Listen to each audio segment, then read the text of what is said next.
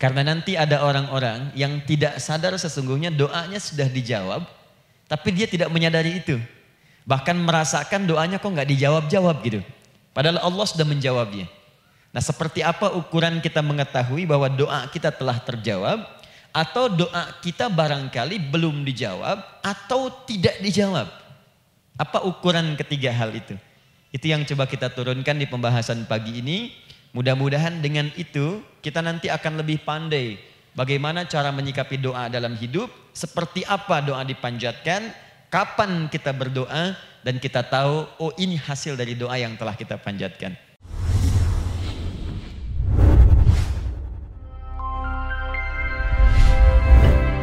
Alhamdulillahi Rabbil Alamin الذي أمرنا بالدعاء فقال وقال ربكم ادعوني أستجب لكم. فوعدنا بالإجابة فقال وإذا سألك عبادي عني فإني قريب أجيب دعوة الداعي إذا دعان. والصلاة والسلام على رسول الله الذي وعدنا بالإجابة عندما ندعو إلى الله سبحانه وتعالى. فقال من ضمن دعائه في أسماء الحسنى اقتداء من أصحابه صلى الله عليه وسلم. أرأيت ماذا دعوت؟ فقد دعوت بأسمائه الأعظم إذا دعي بها أجاب وإذا سئل بها أعطى. اللهم صل وسلم وبارك على رسولك الكريم النبي الأمين وعلى آله وصحبه وأمته إلى يوم الدين. أما بعد فيا عباد الله أوصي نفسي وإياكم بتقوى الله فقد فاز المتقون فلا تموتن إلا وأنتم مسلمون. Saudariku sekalian, para ibu baik yang di dalam ruang masjid ataupun yang di luar masjid, sekitaran masjid dan studio, saya ingin mengajak pada seluruhnya tanpa kecuali, mari kita senantiasa bersyukur pada Allah Subhanahu wa taala atas nikmat yang telah kita dapati sampai dengan pagi hari ini. Syukur itu selalu menambah ketenangan di dalam jiwa. Syukur itu bisa mengentaskan sebagian persoalan hidup yang kita rasakan. Syukur itu bisa menambah kekuatan dari perasaan lemah yang kita rasakan. Dan syukur itu puncaknya bisa mengantarkan ke dalam surga terbaik yang dijanjikan hingga Allah menyebutkan kemudian dalam Al-Qur'an wa qalilun min syakur. Sedikit sekali di antara hamba-hambaku itu yang bisa menjadi orang yang pandai bersyukur kepada Allah Subhanahu wa taala. Mudah-mudahan hidupan kita sampai hari ini seluruhnya diterima oleh Allah Subhanahu wa taala sebagai amal saleh dan semoga yang belum mendapatkan hidayah untuk berislam sampai dengan pagi hari ini dihunjamkan hidayah kepada dalam jiwanya oleh Allah Subhanahu wa taala agar bisa berislam sebelum wafat menghadap Allah Subhanahu wa taala. Baik, hari ini kita akan belajar. Saya akan cepat masuk kepada pembahasan karena waktu kita cukup singkat tentang orang-orang yang dikabulkan doanya yang tersebut dalam Al-Quran khususnya dan sunnah-sunnah Rasulullah Sallallahu Alaihi Wasallam. Kita akan bagi pembahasan kita ke dalam tiga bagian. Pertama, kenapa kita mesti berdoa? Di poin pertama. Pertama, kenapa kita mesti berdoa? Yang kedua, bagaimana cara berdoa yang baik? Yang cepat dikabulkan oleh Allah Subhanahu wa taala. Yang pertama, mengapa kita mesti berdoa? Esensi doa itu apa kan? Yang kedua, bagaimana cara berdoa yang sekiranya cepat dikabulkan oleh Allah Subhanahu wa taala. Dan yang ketiga, kita akan melihat ukuran pengabulan doa. Seperti apa doa itu dikabulkan. Karena nanti ada orang-orang yang tidak sadar sesungguhnya doanya sudah dijawab, tapi dia tidak menyadari itu. Bahkan merasakan doanya kok nggak dijawab-jawab gitu. Padahal Allah sudah menjawabnya. Nah seperti apa ukuran kita mengetahui bahwa doa kita telah terjawab, atau doa kita barangkali belum dijawab, atau tidak dijawab. Apa ukuran ketiga hal itu? Itu yang coba kita turunkan di pembahasan pagi ini Mudah-mudahan dengan itu kita nanti akan lebih pandai bagaimana cara menyikapi doa dalam hidup, seperti apa doa dipanjatkan, kapan kita berdoa dan kita tahu oh ini hasil dari doa yang telah kita panjatkan. Sepakat sampai di sini? Baik ya, tinggal sepakat saja ya. Kan biasanya yang nerangkan saya, nulis saya, ngapus saya sampai selesai pula. Baik, ayo kita mulai. Bismillah. Mengapa kita mesti berdoa? Kita buka dulu ibu sekalian. Ya, yang di ruangan ini ataupun yang di bawah semuanya insya Allah memiliki kemuliaan yang sama di hadapan Allah Subhanahu wa taala sesuai dengan keikhlasannya ya sesuai dengan keikhlasannya karena hadisnya umum sifatnya Man salaka tariqan yaltamisu fihi ilma sahhalallahu lahu tariqan ilal jannah. Siapa yang menyiapkan dirinya menempuh perjalanan dan dia meniatkan ingin belajar pengetahuan agama walaupun sedikit maka dia akan dapat balasan dari Allah minimal setiap langkahnya akan dicatat meringankan langkah dia ke surga nantinya. Ya. Dan di situ tidak disebutkan khusus bagi yang di dalam ruangan masjid. Lantai dua lagi misalnya. Tidak. Ya, jadi yang di sekitaran, yang di depan semua berdasarkan niatnya, ya. Berdasarkan niat dan kuantitas amalannya. Di kuantitas itu tambah. Mungkin Ustadz belum datang, ibu ada yang berzikir, ada yang baca Al-Quran, ada yang istighfar. Itu yang nambah pahala. Ya, kalau yang pasang status, pasang kamera, ya itu saya nggak tahu. Ayo kita kembalikan sini. Pertama, Quran surah ke-7 ayat 172. Quran surah ke-7 Al-A'raf ayat 172. Kemudian setelah itu diperintahkan dalam Al-Quran surah ke-40 Ghafir ayat ke-60. Lalu kita praktekkan ini dalam keseharian kita. Saya beri contoh misalnya. Quran surah ke-2 ayat ke yang paling banyak nih dibaca 201. Kadang-kadang misalnya Quran surah kedua ayat 286. Banyaklah. Quran surah ke-7 ayat 23 misalnya dan seterusnya. Ini bagian pertama.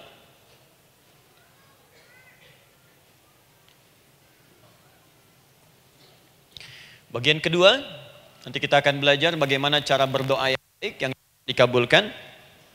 Kita ambil satu Quran kedua ayat 186. Kemudian yang kedua kita ambil contoh Quran surah ke-17 ayat 110. Kemudian yang ketiga kita ambil contoh yang paling dahsyat di Al-Quran surah ketiga ayat 38 sampai 39. Ada yang belum berdoa sudah dikabulkan. Masya Allah. Ini ada di Quran misalnya surah ketiga ayat 31. Nanti turunan amalannya misal di Quran surah 51 ayat 15 sampai dengan 18. Saya bulati yang 18-nya. Bagian ketiganya nanti kita uraikan di bagian akhirnya. Baik, kita bisa mulai insyaallah. Baik, kita bagian pertama, mari kita mulai. Saya ingin berkisah sejenak dengan menyampaikan Quran surah ke-7 Al-A'raf ayat 172. Allah berfirman, A'udzu billahi minasyaitonir rajim, wa idz akhadha rabbuka min bani adama min zuhurihim dhurriyyatahum wa ashhadahum ala anfusihim alastu bi rabbikum qalu bala syahidna ada ayatnya Baik ya, di Quran surah ke-7 Al-A'raf ayat 172. Wa idh akhadha rabbuka min bani Adam. Kata Allah, dan ingatlah, pahamilah, pelajarilah, dalamilah.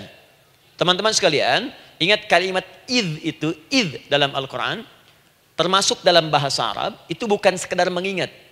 Idh itu bisa mengandung arti memahami dengan dalam. Menganalisis, Ya, memaknai itu id. Jadi bukan sekedar mengingat. Bukankah ibu kalau mengingat sesuatu berusaha mendalaminya? Ya, kalau nggak percaya saya tanya begini. Coba ibu ingat kemarin jam 5 sore ada di mana? Bukankah sekarang sedang mendalami sesuatu? Sedang mencari memori jam 5 sore kemarin ada di mana? Setelah itu dihimpun jadi sesuatu lalu disampaikan dengan terstruktur, dengan rapi. Oh kemarin saya ada di sini, di sini, di sini. Mengerjakan ini, ini, ini. Itu id dalam bahasa Arab.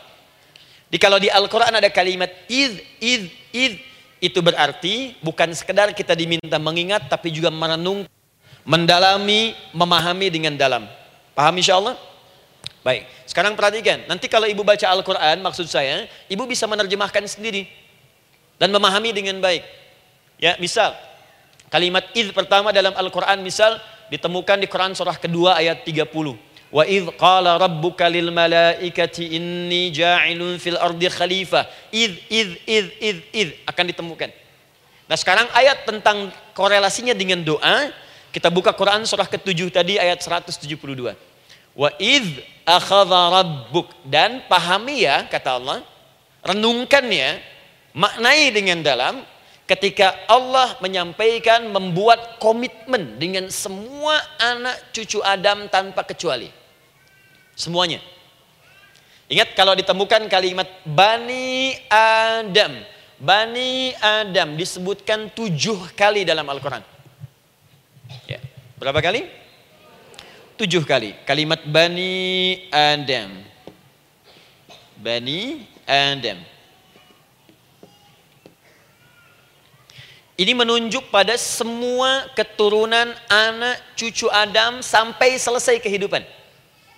Ya, dari Nabi Adam alaihissalam, kemudian pasangannya Sayyidah Hawa alaihissalam, kemudian keduanya mulai berumah tangga melahirkan keturunan diabadikan di Al-Quran surah keempat Ya, surah Ibu ayat yang pertama.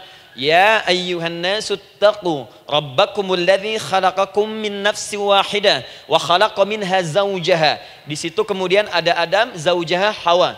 Ya, wa batha minhuma rijalan katsiran wa nisaa. Dari situ turun keturunan laki-laki perempuan, laki-laki perempuan. Nanti menyebar, Bu, ya, menyebar. Ada yang ke Chicago, ada yang di Chicago ada yang di Singapura, ada yang di Singapura, semua nyebar. Ya, di Sunda, dari Jawa sampai ke Sumatera, sampai Indonesia, sampai Nusantara, sampai Asia, Eropa, sedunia. Nanti penyebarannya disebutkan di Quran surah ke-49 ayat ke-13. Ya ayyuhan nasu inna khalaqnakum min dzakarin wa untha. Hei manusia, semua saya ciptakan ada dua jenis. Kalau bukan laki-laki itu pasti perempuan. Jadi tidak ada yang ketiga. Ingat ya? Kalau bukan laki-laki siapa? Perempuan. Jadi tidak ada misalnya, maaf, laki-laki yang keperempuan-perempuanan yang gerakannya melambai, ya kata-katanya terlampau lembut misal, dan tidak ada pula perempuan yang perkasa, ya terlampau kuat misalnya melampaui batas-batas standarnya. Jadi kalau bukan laki-laki pasti perempuan. Dua saja. Jadi kalau misalnya masih ada yang bingung tentukan dirinya, ya. Dan lihat fitrahnya. lihat fitrahnya.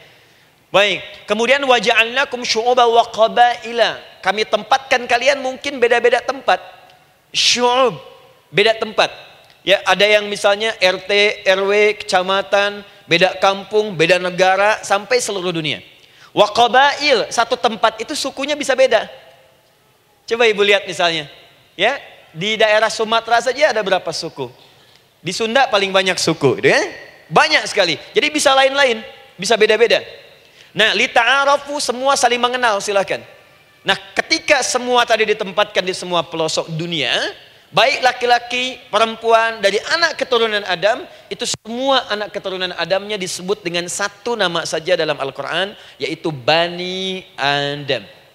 Jadi kalau kita mau cari keturunan kita, sampai ke asal mula kita, dari kita sekarang itu semua akan tersambung kepada Adam alaihissalam. Puncaknya akan ke sini. Ya. Dan tidak akan nyasar ke mana-mana bu. Ya, ada sebagian manusia nasabnya tidak ingin Adam, inginnya bergeser, sehingga mengatakan manusia berasal dari monyet katanya. Ya.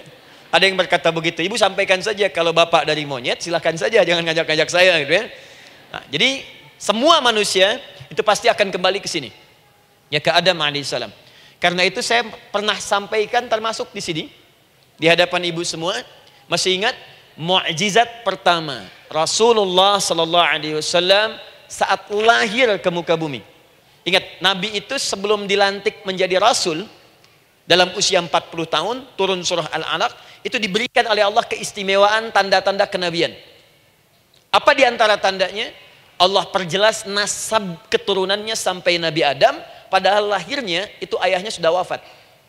Di lahir beliau ayahnya wafat tapi nasabnya diperjelas sampai Nabi Adam. Sehingga jelas orang tidak bisa menyoal. Ini orang nggak jelas nih ya. Kan suka ada begitu Bu ya. Tiba-tiba datang menerangkan sesuatu. Siapa itu? Itu nggak jelas. Bahkan sekarang sering muncul statement, siapa sih ustadz itu? Itu ustadz nggak jelas. Ya. Nabi nggak bisa disoal karena semuanya jelas. Nasabnya jelas, keturunannya jelas, kemuliaannya jelas, ilmunya jelas. Jadi kalau orang mau menyoal nggak punya peluang. Siapa kamu Muhammad? Saya jelas keturunannya.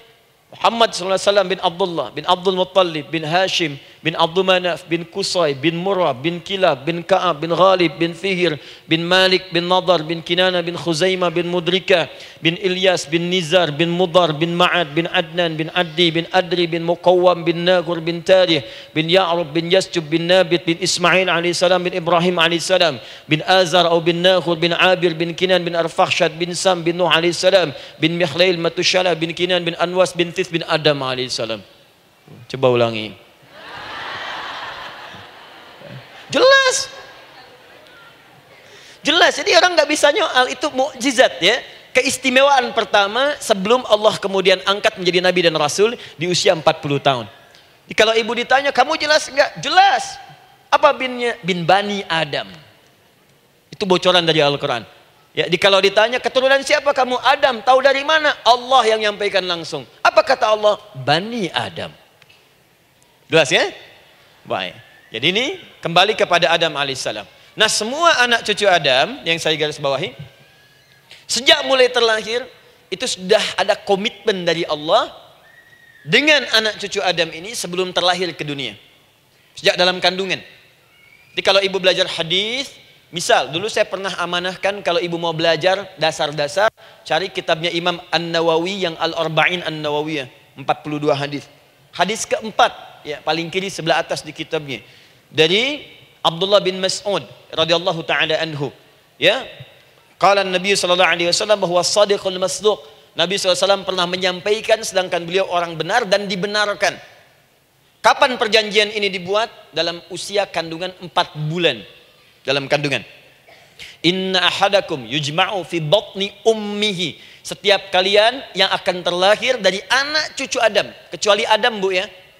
Ingat kecuali Adam, kecuali Hawa. Karena ini asal mula manusia keduanya. Tapi keturunan Adam dan Hawa akan mengalami proses yang sama. Dikandung dulu ibundanya, kemudian terlahir. Adam tidak dikandung, ingat, Adam tidak ada bapak, Adam tidak ada ibu langsung diciptakan wujudnya oleh Allah Subhanahu wa taala dari bahan dasar yang sama dengan manusia. Ya karena itu saya pernah ditanya, pernah berdialog, ya. Ustaz, ini spesial Nabi Isa ini. Ya spesial, Yesus Al-Masih Nabi Isa spesial. Karena itu diangkat sebagai Tuhan. Apa yang spesial? Kata beliau, karena ini bisa menghidupkan yang mati. Yang kedua, ini lahirnya beda dengan orang biasa. Bagaimana lahirnya? Tanpa bapak. Ibu saja tanpa bapak. Mana ada manusia yang lain seperti ini? Saya bilang Adam lebih spesial lagi. Lahir tanpa ibu, tanpa bapak. Kenapa nggak jadi Tuhan? Tapi kan Adam nggak bisa menghidupkan yang mati. Dengan izin Allah, maaf, Nabi Ibrahim lebih canggih lagi. Buka Quran surah kedua, ayat 260, paling kiri sebelah atas. Wa idh qala Ibrahim rabbi arini kaifa tuhyil mauta qala awalam tu'min qala bala walakin inna qalbi Ketika Ibrahim bermohon kepada Rabbnya, Ya Allah, tolong tunjukkan kepadaku bagaimana cara menghidupkan yang mati. Kata Allah, kamu masih nggak yakin? Kata Ibrahim, saya yakin, saya yakin-yakinnya. Cuma supaya hati saya tenang, membuktikan kepada yang lain tentang kuasamu. Kata Allah, gampang. Lalu Allah berikan kemudian satu ketentuan sama persis dengan Nabi Isa. Cuman prosesnya lebih canggih. Kalau Nabi Isa, tepuk mayatnya, bangun, bicara. Nabi Ibrahim kata Allah, nih ambil burung, potong-potong dulu, dicincang dulu. Sudah dicincang kemudian, mayitnya disimpan jasadnya di tempat bukit yang berbeda. Kalau sekarang potong burung, simpan di bukit satu, jasad yang kedua simpan di bukit B. Kepalanya simpan di bukit A, ekornya simpan di bukit B, badannya simpan di bukit C. Panggil dengan nama Allah. Thummat uhunna ya'tina kasa'ya. Panggil. Bismillah dengan nama Allah. Hidup. Hidup. Sama persis dengan Nabi Isa. Dengan nama Allah biiznillah hidup hidup. Nabi Ibrahim biiznillah dengan nama Allah hidup hidup menyatu semuanya jadi satu. Kalau Nabi Isa kemudian ada yang menduga sebagai Tuhan, kenapa Nabi Ibrahim tidak angkat jadi Tuhan? Paham ya? Nah, ini menunjukkan bahwa ada pola pemikiran yang harus dikembalikan supaya benar cara memahaminya. Jelas sampai sini? Maaf saya sedikit agak lompat ya. Saya kembalikan kemudian, perhatikan sini. Inna ahadakum yujma'u fi batni ummihi. Karena itu semua anak cucu Adam beda dengan Adam akan proses lahirnya dikandung dulu di perut ibundanya. Fokus baik-baik. Arba'ina yauman nutfah, 40 hari pertama baru kemudian proses antara spermatozoa dengan ovum berproses. Thumma yakunu kemudian alaqah. 40 hari yang kedua jadi alaqah, zigot yang menempel di dinding rahim. Thumma yakunu mithla dzalika mudirah. 40 hari ketiga berbentuk mudirah. Sudah mulai berbentuk daging sekeratan, ada bentuknya. Dan usianya sudah 4 bulan, 40 hari ketiga, 120 hari. 120 hari. Thumma yursalu ilaihil malak. Kemudian diutuslah malaikat, fayanfukhu fihi roh. Maka ditiupkan roh ke dalamnya. Jadi ingat, kalau di antara sini, di antara kita ada ibu misalnya, yang tengah hamil, tengah mengandung, ingat baik-baik atau keluarganya, kerabatnya, usia empat bulan itu roh sudah ditiupkan. Di kandungan sudah ada rohnya. Hati-hati ya. Berapa bulan? Empat bulan. Karena itu nanti ada ayat dalam Al-Quran. Quran surah ke-7 ayat 189. Di posisi ini harus banyak berdoa. Dan beramal soleh. Ingat ya berdoa, beramal soleh. Minimal minta kepada Allah. Da'awallaha rabbahuma la in ataitana salihah lanakunanna minasyakirin. Minta banyak kepada Allah. Ya Allah jadikan anak saya anak yang soleh. Jadikan anak saya anak yang soleh. Dari usia itu empat bulan sampai ke atas. Menjelang lahiran. Nanti diiringi oleh amal soleh kedua orang tuanya. Ini sudah penelitian dokter muslim. Khususnya di Asia Tenggara. Saya diskusi dengan seorang dokter muslim Ternyata ada korelasi amal soleh yang dikerjakan kedua orang tua, ayah dan bunda atau calon ayah dan bunda kepada anak yang sedang dikandung, yang belum dilahirkan. Jadi kalau orang tuanya rajin baca Al-Quran, rajin baca Al-Quran, itu berpengaruh ke anak bu. Dan penelitian terkini itu mempercepat anak itu menjadi seorang penghafal Quran ketika lahir. Ya, pernah satu kali dibacakan Al-Quran posisi janin itu berubah. Seperti sujud gitu. Itu penelitian sudah di MRI waktu itu dilihat. Dilihat ya, kelihatan. Jadi ada korelasi antara kesolehan orang tua dengan kesolehan anak yang sedang dikandung. Dihati-hati ya. Tapi yang penting diketahui adalah dalam usia kandungan 4 bulan itu disebutkanlah isyarat di Quran surah ke-7 ayat 172 terjadi perjanjian komitmen dengan Allah Subhanahu wa taala. Apa perjanjiannya? Akhadha rabbuka min bani Adam min zuhurihim dzurriyyatahum wa ashhadahum ala anfusihim. Lihat perjanjiannya, saya fokus di kalimat ini. Rabbikum. Rabb. Apakah engkau akan berkomitmen saat ini? Bersaksi? Karena kalimatnya bersaksi. Ashhadahum dan mereka bersyahadat, bersaksi, komitmen. Di komitmennya menggunakan kata syahadat di sini. Karena itu nanti setiap bayi yang sudah terlahir dari rahim ibu mana pun itu berada dalam keadaan suci karena sudah bersyahadat dalam perut ibundanya. Masih ingat hadis ini? Kullu mauludin yuladu 'alal fitrah. Setiap yang terlahir dari rahim perempuan mana pun itu membawa fitrah. Apa di antara fitrah yang dimaksudkan itu? Fitrah keislaman, fitrah mengakui Allah sebagai Tuhan. Itu nanti ada di Quran surah ke-30 ayat ke-30, paling kanan sebelah atas. Quran surah 30 ayat 30.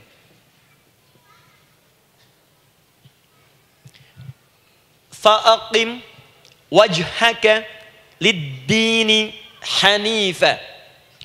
Hei setiap manusia, fa'aqim wajhaka, hadapkan, pasrahkan, arahkan dirimu sepenuhnya.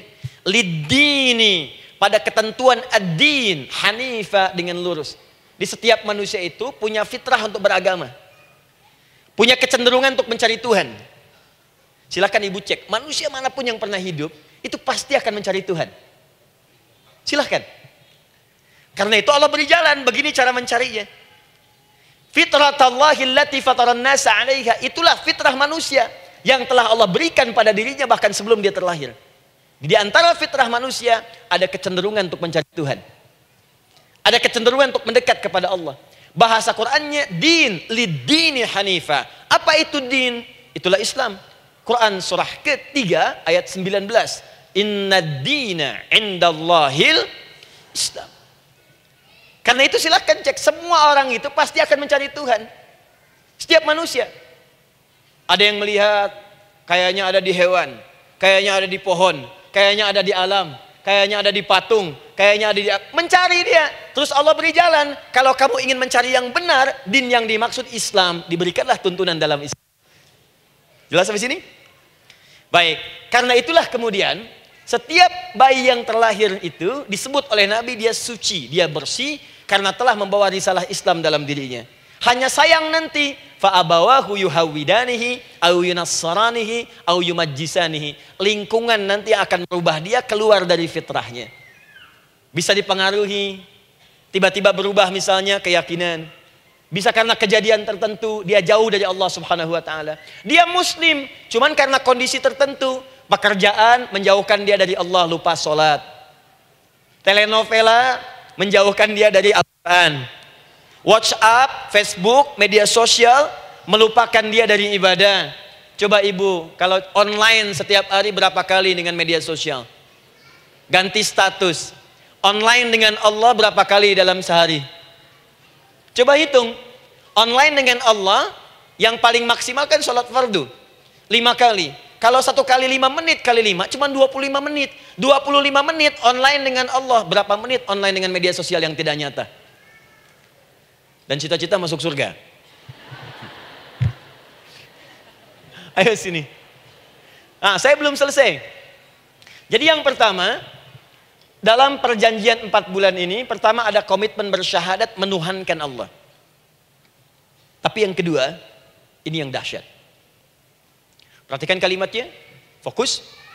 Saat Allah memperkenalkan dirinya, dalam kandungan kita, usia empat bulan itu, dengan nama apa Allah memperkenalkan dirinya? Coba lihat ayatnya. Alastu bi rabbikum dengan nama Rabb, Rabb, Rabb. Wa id akhadha rabbuka, Rabb min bani Adam dzurriyyatahum. Awas wa ashhadahum ala anfusihim. Alastu bi rabbikum dengan nama Rabb. Rabb.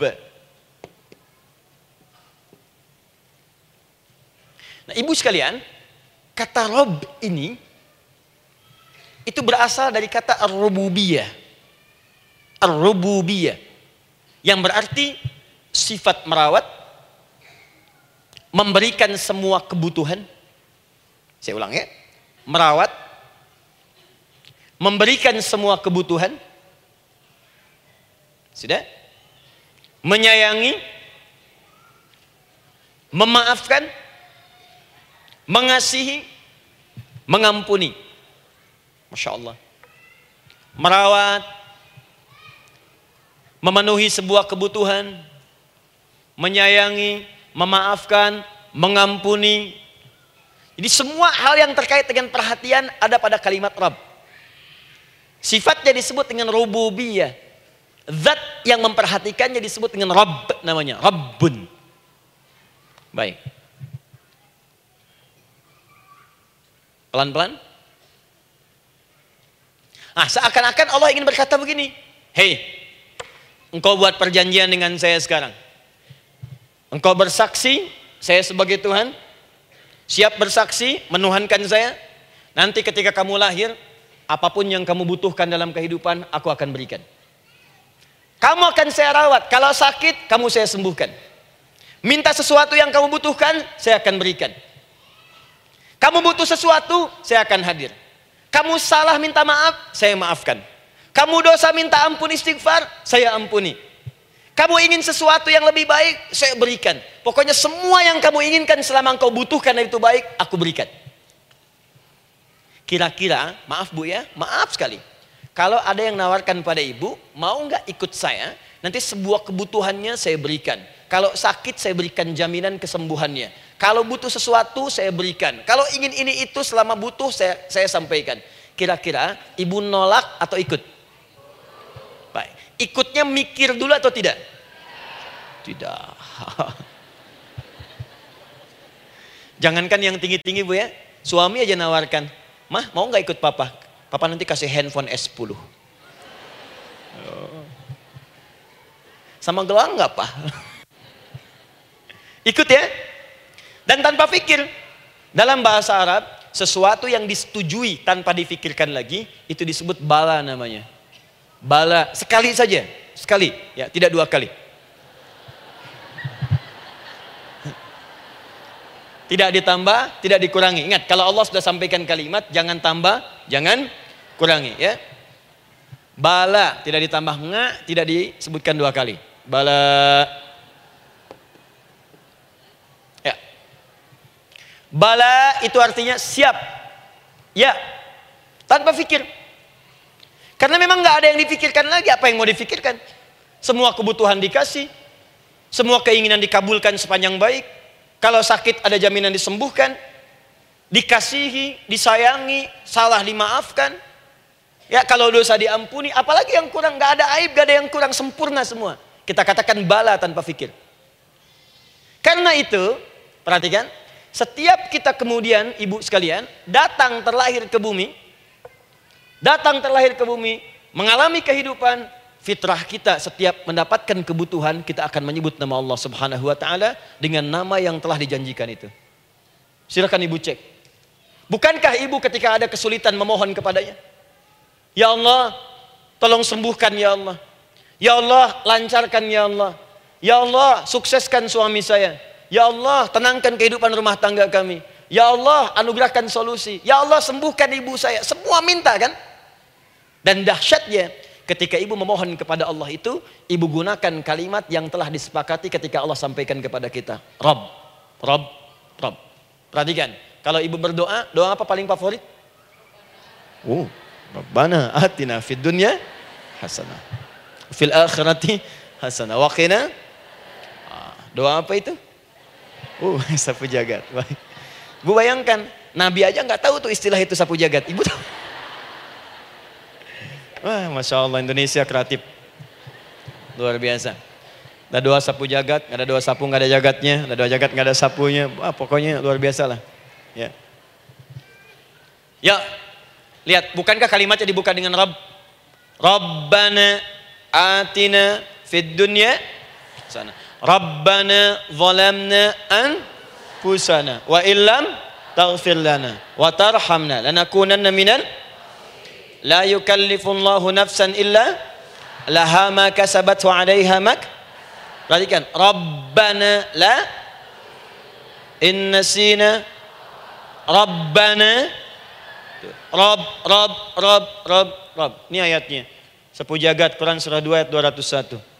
La yukallifullahu Quran surah 2 ayat 286. Rabbana zalamna Quran surah 7 ayat 23. Yang ingin saya sampaikan, setiap kita butuh sesuatu, kita menyebut namanya dengan kalimat Rabb. Kenapa kita katakan Rabb? Karena Allah sendiri menyebutkan dengan kalimat Rabb. Alastu bi rabbikum, saya nanti adalah Tuhan yang akan memperhatikan kalian, menyayangi kalian. Saya Tuhan yang akan merawat kalian, memberikan semua kebutuhan. Makanya ibu tuh kalau ada persoalan nagih seakan-akan ke Allah. Ya Allah, kan engkau yang berjanji kepada saya. Engkau yang berjanji, engkau yang menepati ya Allah karena engkau Tuhan. Kalau manusia, dia berjanji, dia yang mengingkari. Dia awali, dia yang akhiri. Tapi engkau beda ya Allah. Kenapa? Engkau berjanji engkau yang menepati. Quran surah ketiga ayat 9. Inna Allah la yukhliful mi'an. Engkau yang berjanji engkau yang menepati. Engkaulah awal dan akhir dari semua hal. Engkau mengatakan saya Rabb yang akan memberikan semua kebutuhan. Sekarang saya butuh ya Allah. Engkau berjanji akan menyembuhkan. Sekarang saya sakit ya Allah. Engkau berjanji akan memberi solusi. Sekarang saya sedang punya masalah ya Allah. Engkau berjanji akan memberikan kesuksesan. Sekarang saya sedang menapaki itu ya Allah. Makanya ibu sebutkan kalimat Rab, Rab, Rab, Rab. Jadi sesungguhnya doa itu adalah fitrah dari setiap manusia karena mulai dibangun komitmen sebelum dia dilahirkan ke muka bumi. Jadi kalau kita bicara tentang doa, doa itu fitrah kehidupan bagi setiap manusia. Hidup sekaligus penanda komitmen yang membedakan antara Khalik dengan makhluk. Hamba dengan Allah. Manusia dengan Tuhan. Kan Allah katakan, saya Rabb ya, saya yang ngasih, saya yang Tuhan. Berarti kita yang makhluk kan? Kita yang butuh kan? Allah yang memberi, kita yang butuh. Untuk membedakan mana yang butuh, mana yang ngasih, maka pembedanya adalah doa. Jadi kalau ada manusia yang nggak pernah doa selama hidup, itu tandanya ada yang salah dengan kehidupannya. Karena seakan-akan dia nggak butuh Tuhan. Sebab perbedaan manusia dengan Tuhan itu sebelum lahir salah satunya ditunjukkan dengan sifat butuh kita kepada Allah. Makanya sekaya-kayanya orang itu pasti berdoa. Manusia paling kaya di muka bumi pun kalau besoknya mau ada pekerjaan atau proyek dia berdoa dulu tuh. Ya Tuhan tolong lancarkan proyek ini. Butuh. Pejabat setinggi-tingginya kalau sudah mau mulai kemudian ada pemilihan, kalau mulai ada kebijakan, kalau mulai ada apa pun berdoa juga. Itu tandanya butuh. Butuh. Di setiap manusia itu pasti butuh dengan Allah. Karena itu kalau ada manusia yang nggak pernah berdoa selama hidupnya, itu langsung mendapatkan kecaman dari Allah dan dijamin akan masuk neraka yang paling dalam. Karena seakan-akan dia sudah nggak butuh dengan Allah. Saya ulang ya, saya ulang. Doa itu fitrah hidup manusia yang sekaligus menunjukkan statusnya sebagai hamba. Jadi kalau ibu update status di media sosial, mulai sekarang tuliskan hamba. Hamba. Sudah. Mau sifatnya apa pun tetap hamba. Ya, mau pejabat, mau orang kaya, mau cukup, mau macam-macam, mau ustadz, mau syekh, mau habib, tetap ujungnya hamba. Dan butuh penghambaan itu diwujudkan dalam bentuk doa. Muncullah Quran surah ke-40 ayat ke-60. Wa qala rabbukum rabb selalu rabb. Wa qala rabbukum ud'uni astajib lakum. Innal ladzina yastakbiruna an ibadati awas sayadkhuluna jahannam dakhirin. Allahu akbar. Dan Rabbmu berfirman mengingatkan kembali kepada kalian semua hei hamba-hambanya. Kalau ada kebutuhan, kalau ada masalah, kalau ada permintaan kata Allah, ayo doa sama saya. Minta. Kan kita sudah bikin perjanjian. Makanya Allah katakan kalau punya masalah bu berdoa. Bukan mengeluh. Kalau punya persoalan bu berdoa. Bukan bikin status. Rasanya aku tidak sanggup. Eh. Ditulis di Facebook. Ngapain? Terus kalimat Allahnya pun jelas. Minta kepadaku bukan mengeluhkannya. Kamu tidak seperti yang aku kira. Nungguin komen. Sambil masak, celing ada satu. Ucuk kunaun. Makin meluas masalah. Untuk abi mas sabar. sudah, sudah. Paham ya? Jadi ini kaidah hidup yang pertama. Sebetulnya sederhana, cuma jarang digunakan gitu. Sederhana, cuman jarang dipakai. Kata Allah kan, kamu doa itu, saya kasih ketenangan. Jadi bu, gini, doa itu manfaatnya, walaupun solusi belum datang, tapi hati tenang. Tenang. Jadi kalau mau curhat-curhat sama Allah, sampaikan, minta, mohon, berikan. Minimal tenang. Saya kasih rahasia ya. Ini di antara kita saja nih. Lihat sini. Saya hapus dulu deh. Bismillah. Masya Allah. Mau ngapus sendiri, nulis sendiri, penghapus, lari sendiri. Ah. Bismillah. Oh ini ada dua ya, sini. Baik, buka Quran surat 7 ayat 205. Quran surat 7 ayat 205. Doa itu disebut zikir di ayat itu. Jadi kalau ibu sedang berdoa, itu sedang berzikir. Wadhkur rabbaka fi nafsika tadarruan wa khifatan wa dunal jahri minal. Ada ayatnya? Oke. Okay. Pakai Rabb lagi kan? Wadhkur rabbaka. Kalau engkau punya masalah, kata Allah, sekecil apa pun. Di rumah tangga kah, Di kantor kah, kehidupan sosial kah. Kata Allah, ayah sebut, minta kepada Allah. Berdoa. Doa disebut dengan zikir. Zikir itu semua kegiatan yang membuat kita ingat Allah. Zikir. Baca Quran, zikir. Dalilnya Quran surah ke-15 ayat 9. Inna nahnu nazzalna dzikra. Kami turunkan Al-Quran sebagai zikir. Menghafal Quran, zikir. Quran surah 54, ayat 17, ayat 22, ayat 32, ayat 40. Walaqad yassarnal Qur'ana lidzikri. Kami akan mudahkan Al-Quran untuk diingat, dihafalkan. Zikir, sebagai zikir kepada Allah. Ibu selepas sholat, baca subhanallah, alhamdulillah, Allahu Akbar, zikir. Quran surah keempat, ayat 103. Fa'idha qadaitumus salata fadhkurullah. Maka jika anda telah tuntas mengerjakan sholat, segera berzikir kepada Allah. Sholat sendiri, zikir. Quran surah ke-20 ayat ke-14. Innani anallahu la ilaha illa ana fa'budni wa aqimis salata li zikri. Saya Allah, kata Allah. Tidak ada Tuhan selain saya. Sembah saya. Bagaimana menyembah Allah? Tunaikan sholat sebagai zikir kepada Allah. Zikir. Di zikir, semua amalan yang mendekatkan kita dengan Allah. Doa itu satu dari bagian zikir. Tapi tahukah ibu fungsi zikir yang paling utama itu apa? Quran surah 13 ayat ke-28.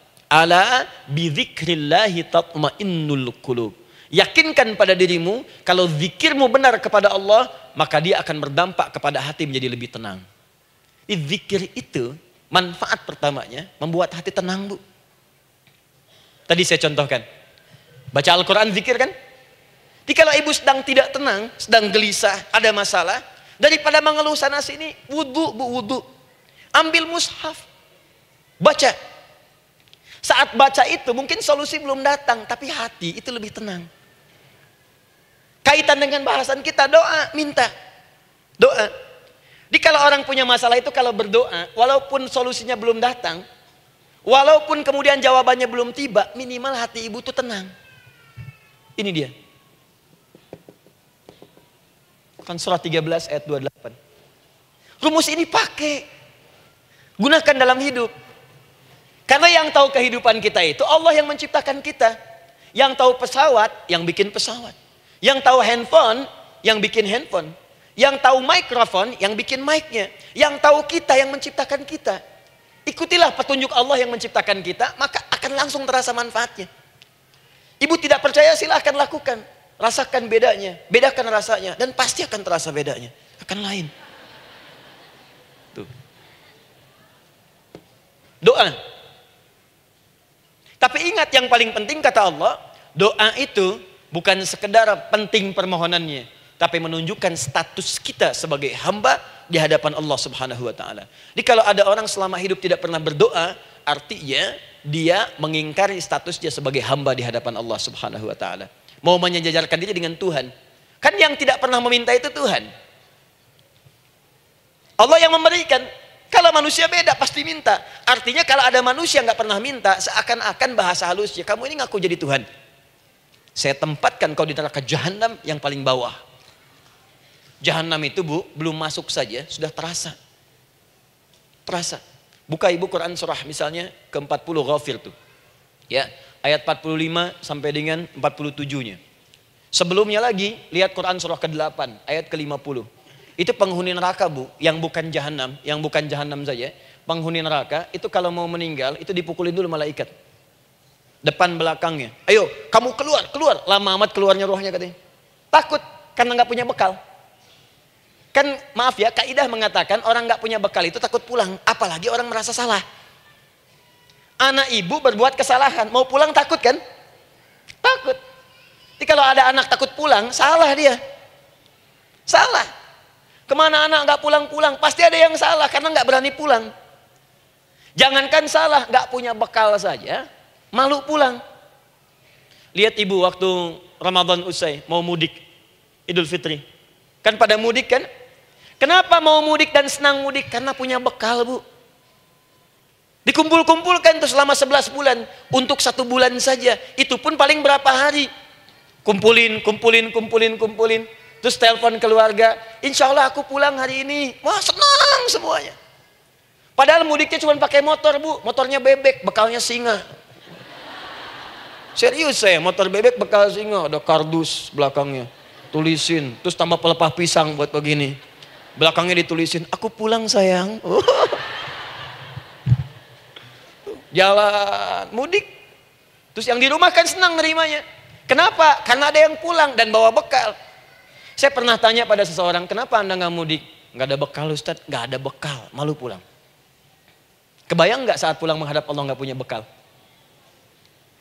Malu pulang, apalagi punya banyak salah. Jadi nggak mau keluar rohnya. Malaikatnya geram, dipukulin sama malaikat. Pukul depannya, pukul depan. Kamu ini cepat keluar, cepat keluar, cepat keluar. Keluar, keluar, keluar, keluar, keluar. Malu pulang. Tapi kalau punya bekal enak. Dan yang nyambut langsung malaikat. Bahkan nanti ada satu amalan saat dikerjakan, itu orang ini sudah masuk surga, tapi semua malaikat di semua pintu surga yang delapan itu datang mengunjungi dia mengucapkan selamat. Itu ada di Quran surah 13 ayat 24. Salamun alaikum bima sabartum fa ni'ma. Selamat ya saat di dunia sabar mencari bekal dan ini bekal terbaik yang kamu dapatkan silahkan nikmati surga yang kamu rindukan itu. Ini nikmat-nikmatnya tempat yang pernah nanti kamu kunjungi. Dan tinggal abadi di situ. Yang nyambut malaikat. Bayangkan semua malaikat bu. Semua malaikat dari pintu surga datang nyambut dia. Wah Masya Allah malaikat Jibril, Srofil, malaikat maut. Maaf ya, dicabut kemarin. Biasa, selamat, selamat, selamat, selamat, selamat. Dunia aja kalau ada yang nyambut senang kan? Rumah dicet, datang, sambut depan rumah, semua hidangan ada, oh Masya Allah. Bahkan yang tidak ada jadi ada. Luarnya kongguan, dalamnya rangginang gitu kan. Wah, muncul semua. Paham ya? Ah, jadi ini bagian pertama. Jadi kita katakan kenapa manusia mesti berdoa. Jawabannya karena manusia itu hamba. Dan doa itu adalah fitrah bagian dari kehidupan. Kenapa manusia mesti berdoa? Karena ada komitmen dari Allah. Setiap dia mendapatkan sebuah persoalan, maka Allah akan jawab dan berikan jawaban dari semua persoalannya. Jalan mendapatkan jawaban itu adalah doa. Kenapa manusia mesti berdoa? Karena dia butuh dengan Allah. Dan puncaknya, kenapa dia mesti berdoa? Karena Allah ingin membahagiakan kehidupan dunianya sebelum sampai keabadiannya di akhirat. Di ketika kita berdoa, sebetulnya kebaikan untuk kita karena Allah ingin kita bahagia. Ingin mudah hidupnya.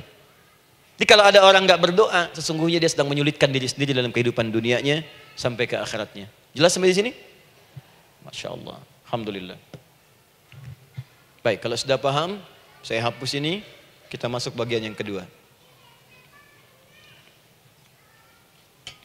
Hapus lagi. Sub Muslimah edisi ke-15. 15 kali datang sendiri, ngulangin sendiri, nulis sendiri, ngapus sendiri. Masya Allah. Tinggal lihat, catat, masuk surga. Uh. Masya Allah. Alhamdulillah. Baik. Baik. Sudah? Alhamdulillah eh, saya ingin setiap pembahasan kita dipahami ya. Saya tidak menyukai kalau datang eh, melihat tapi nggak paham gitu. Ya, dengar tapi nggak paham. Saya tidak ingin satupun keluar dari sini kecuali paham. Ya. Ibu paham? Paham Ustaz. Pada pamit ya, silahkan. Apa yang ibu pahami? Doa. ya. Dah. Nah, sekarang masuk bagian kedua. Bismillah. Kalau sudah mengerti yang tadi, persoalannya adalah bagaimana cara kita memohon kepada Allah. Itu dia. Bagaimana cara kita meminta? Kata Allah, kamu kalau punya masalah minta. Ya Allah caranya bagaimana? Karena sesuatu yang dikerjakan tanpa ilmu dan tidak tahu caranya, itu bisa keliru. Hidup itu menyembah Allah tidak cukup dengan iman bu. Mesti pakai ilmu. Iman saja sekalipun kuat tanpa ilmu itu bisa salah. Kuat ingin mendekat kepada Allah. Ya Allah, ya Allah, aku ingin ibadah, aku ingin ibadah. Kuat. Saya punya kawan dulu di pesantren. Tahun kedua. Dia sudah berubah. Ya, tadinya orang tuanya melihat anaknya Masya Allah, tiba-tiba ada perubahan. Senang ibadah bu. Malam-malam dia bangun. Ini kisah nyata, saya alami sendiri. Masya Allah, saya senang sekali. Kita saling doakan, dia bangun malam tahajud. Bangun jam 2, Anda bayangkan. Yang sebelumnya menjelang subuh atau apa. Ini malam Jumat lagi malam libur.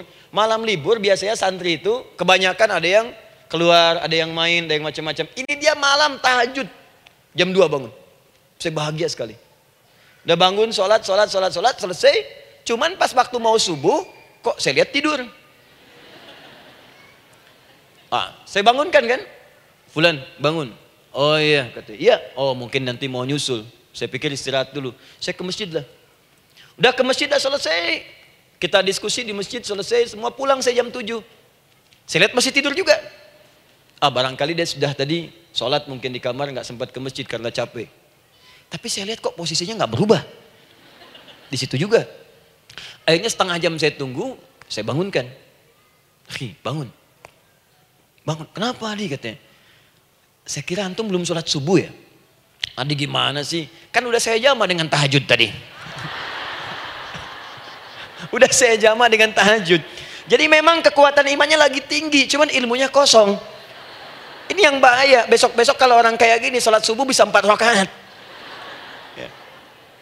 Karena itu berdoa penting, cuma kita mesti tahu caranya. Yuk kita mulai bagian pertama. Quran surah kedua, ayat 186. Paling kiri sebelah bawah. Sudah?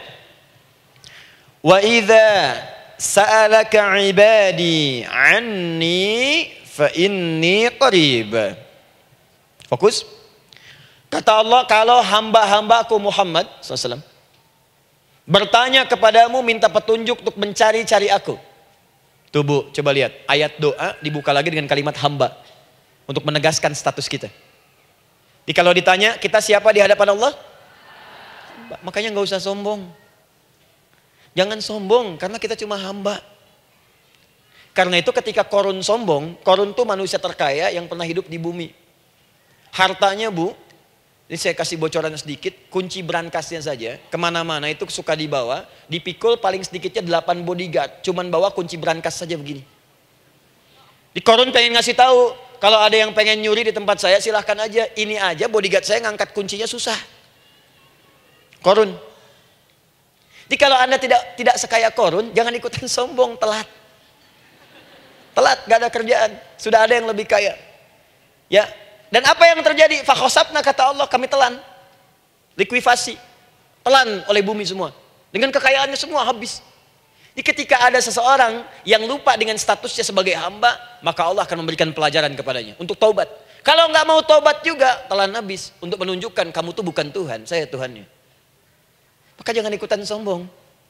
Kalau ada yang perlu punya Ferrari, Lamborghini, Lamborghini, ya, wah, bikin rame di jalan, cuman nggak update status, kasih tahu, maaf mas, telat. Itu itu itu gambaran hidup. Dan ingat, setiap dibuka dengan kalimat permohonan, itu kalimatnya hamba. Hambaku, hambaku, hambaku. Termasuk mau minta tobat, hamba. Quran surah 39 ayat 53. Qul ya ibadiyalladzina asrafu ala anfusihim la taqnatu min rahmatillah. Katakan Muhammad pada hambaku yang merasa banyak dosa, pengen berdoa minta tobat. Kata Allah, hamba. Saya terima tobatnya, hamba. Nah, ini ini ya. Nah, ini pun adab yang pertama dari Al-Qur'an, adab yang pertama, kalau kita ingin berdoa dan doa itu cepat ingin dikabulkan, maka berdoalah dengan cara menghamba di hadapan Allah Subhanahu wa taala. Jangan merasa tinggi.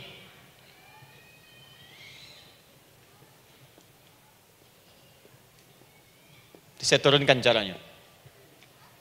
Bagaimana cara menghamba itu dengan cara yang baik? Fokus.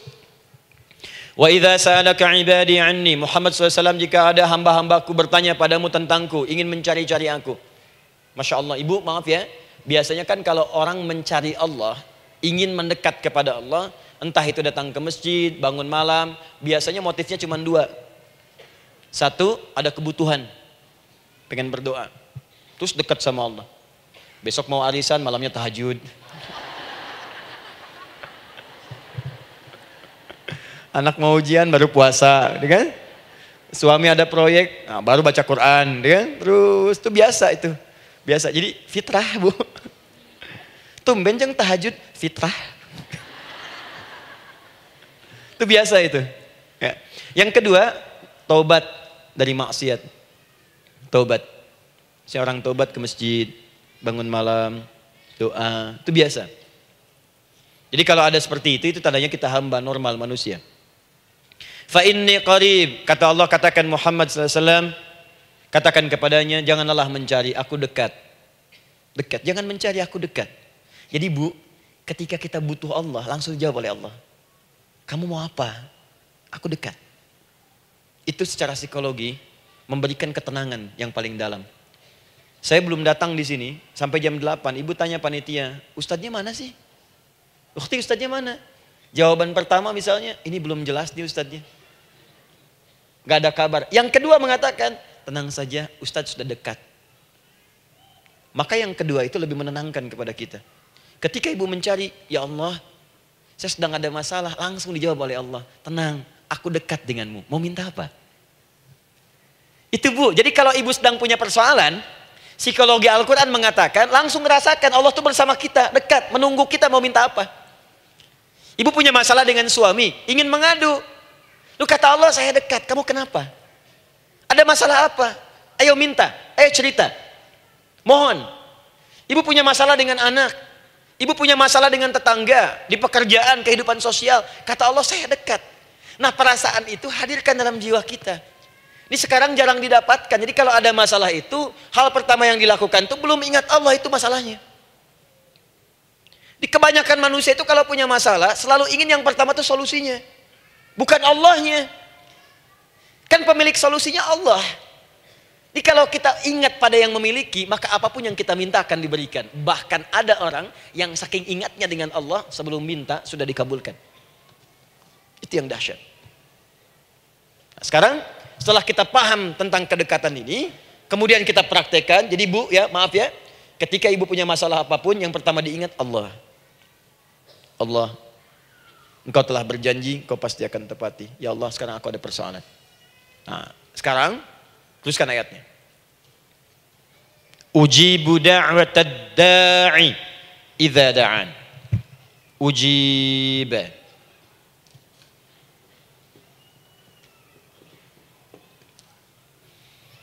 Ujibu da'watad da'i idza da'an.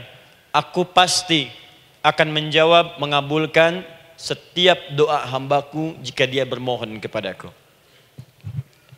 Saya ingin ajarkan sedikit di gramatikal bahasa Arab. Ujib itu, itu disebut dengan fi'il mudhari namanya.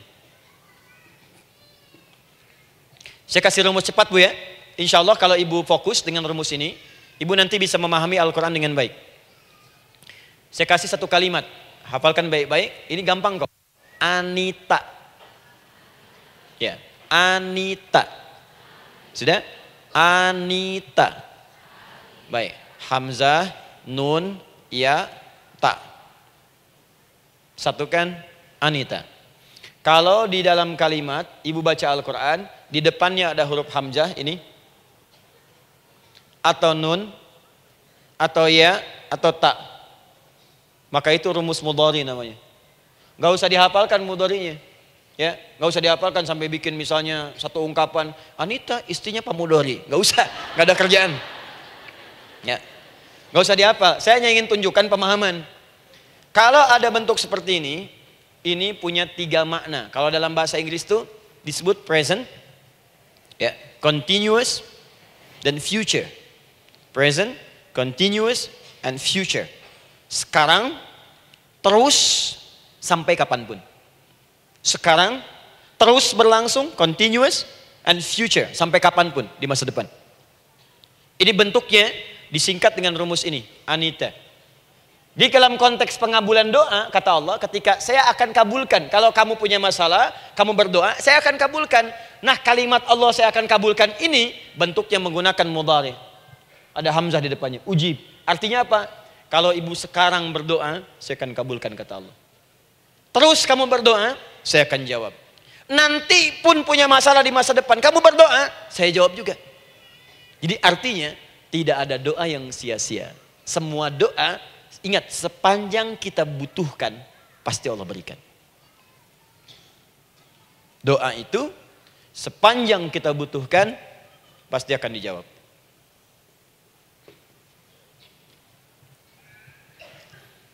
Nanti kapan dijawabnya, seperti apa jawabannya nanti bagian ketiga. Kadang-kadang minta sekarang, dijawabnya nanti. Minta sekarang, dijawab sekarang. Ada yang mintanya A, dijawabnya B. Itu yang paling dahsyat. Ya. Di kalau saya tanya, kalau kita berdoa, dijawab tidak oleh Allah? Ya, itu janji Allah. Setiap orang berdoa, pasti dijawab. Nah hanya persoalannya, seperti apa doa yang cepat dijawab itu? Apakah semua doa langsung dijawab seketika? Akankah mendapat jaminan langsung dijawab? Ternyata kalimat dijawab ini diikat dengan syarat ketentuan berlaku.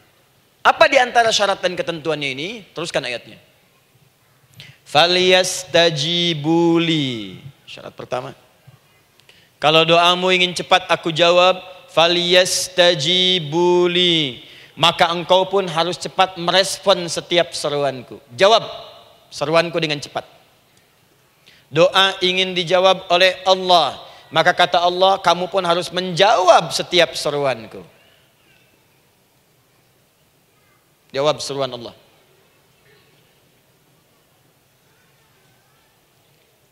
Ayo respon, adil. Maunya dapat gaji aja, kerja nggak mau. Ya? Apa ibu pikir duduk manis, santai di ruangan tengah, tiap bulan suami datang berikan uang belanja? Belum tentu. Kalau sikap tidak bagus, ya interaksi tidak mulia, maka belum tentu itu didapatkan. Maka syarat pertama kata Allah, kalau doamu ingin cepat aku jawab, maka setiap aku seru, cepatlah engkau kemudian kerjakan dan jawab itu. Jadi ternyata seruan Allah itu terkait berkelindan dengan pengabulan doa.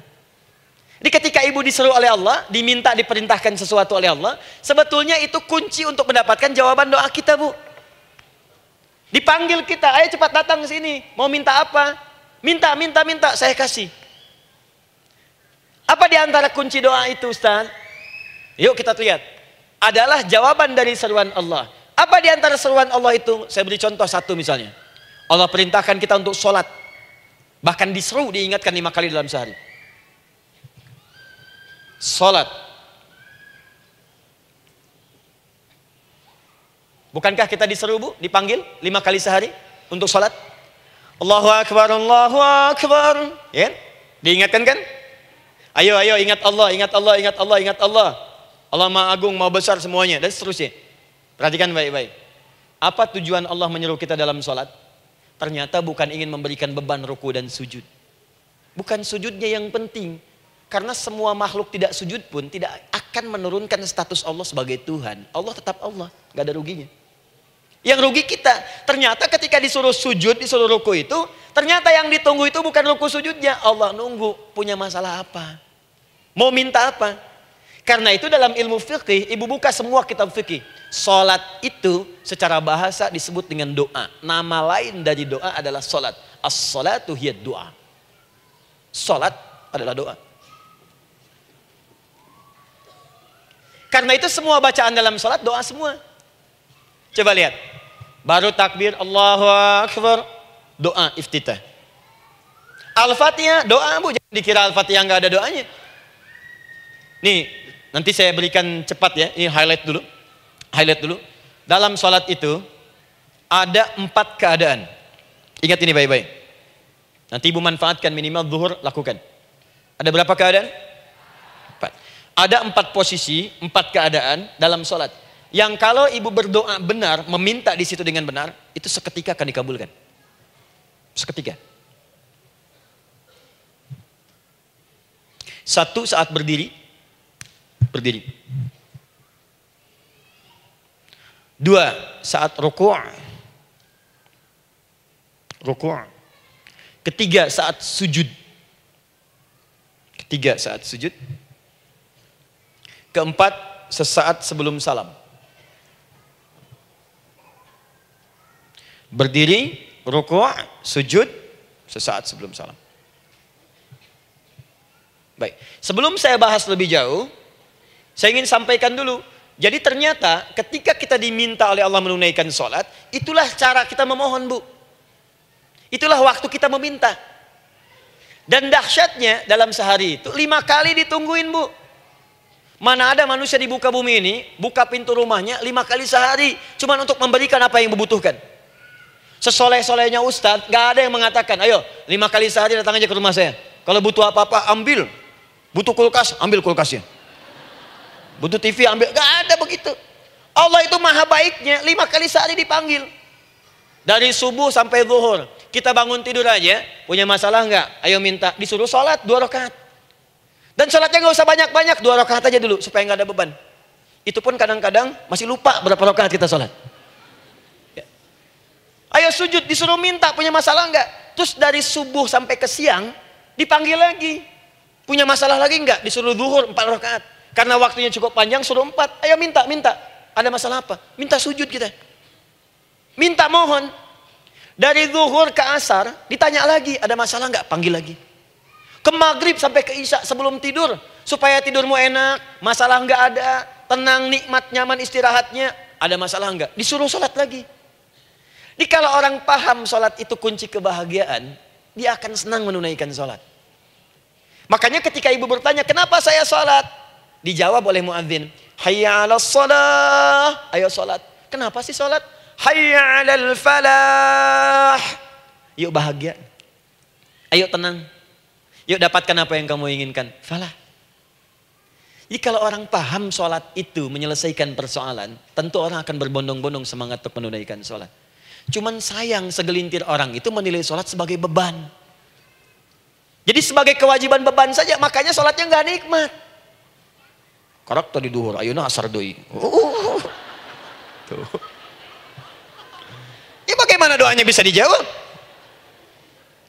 Anda datang pada orang, tapi datangnya dengan marah-marah.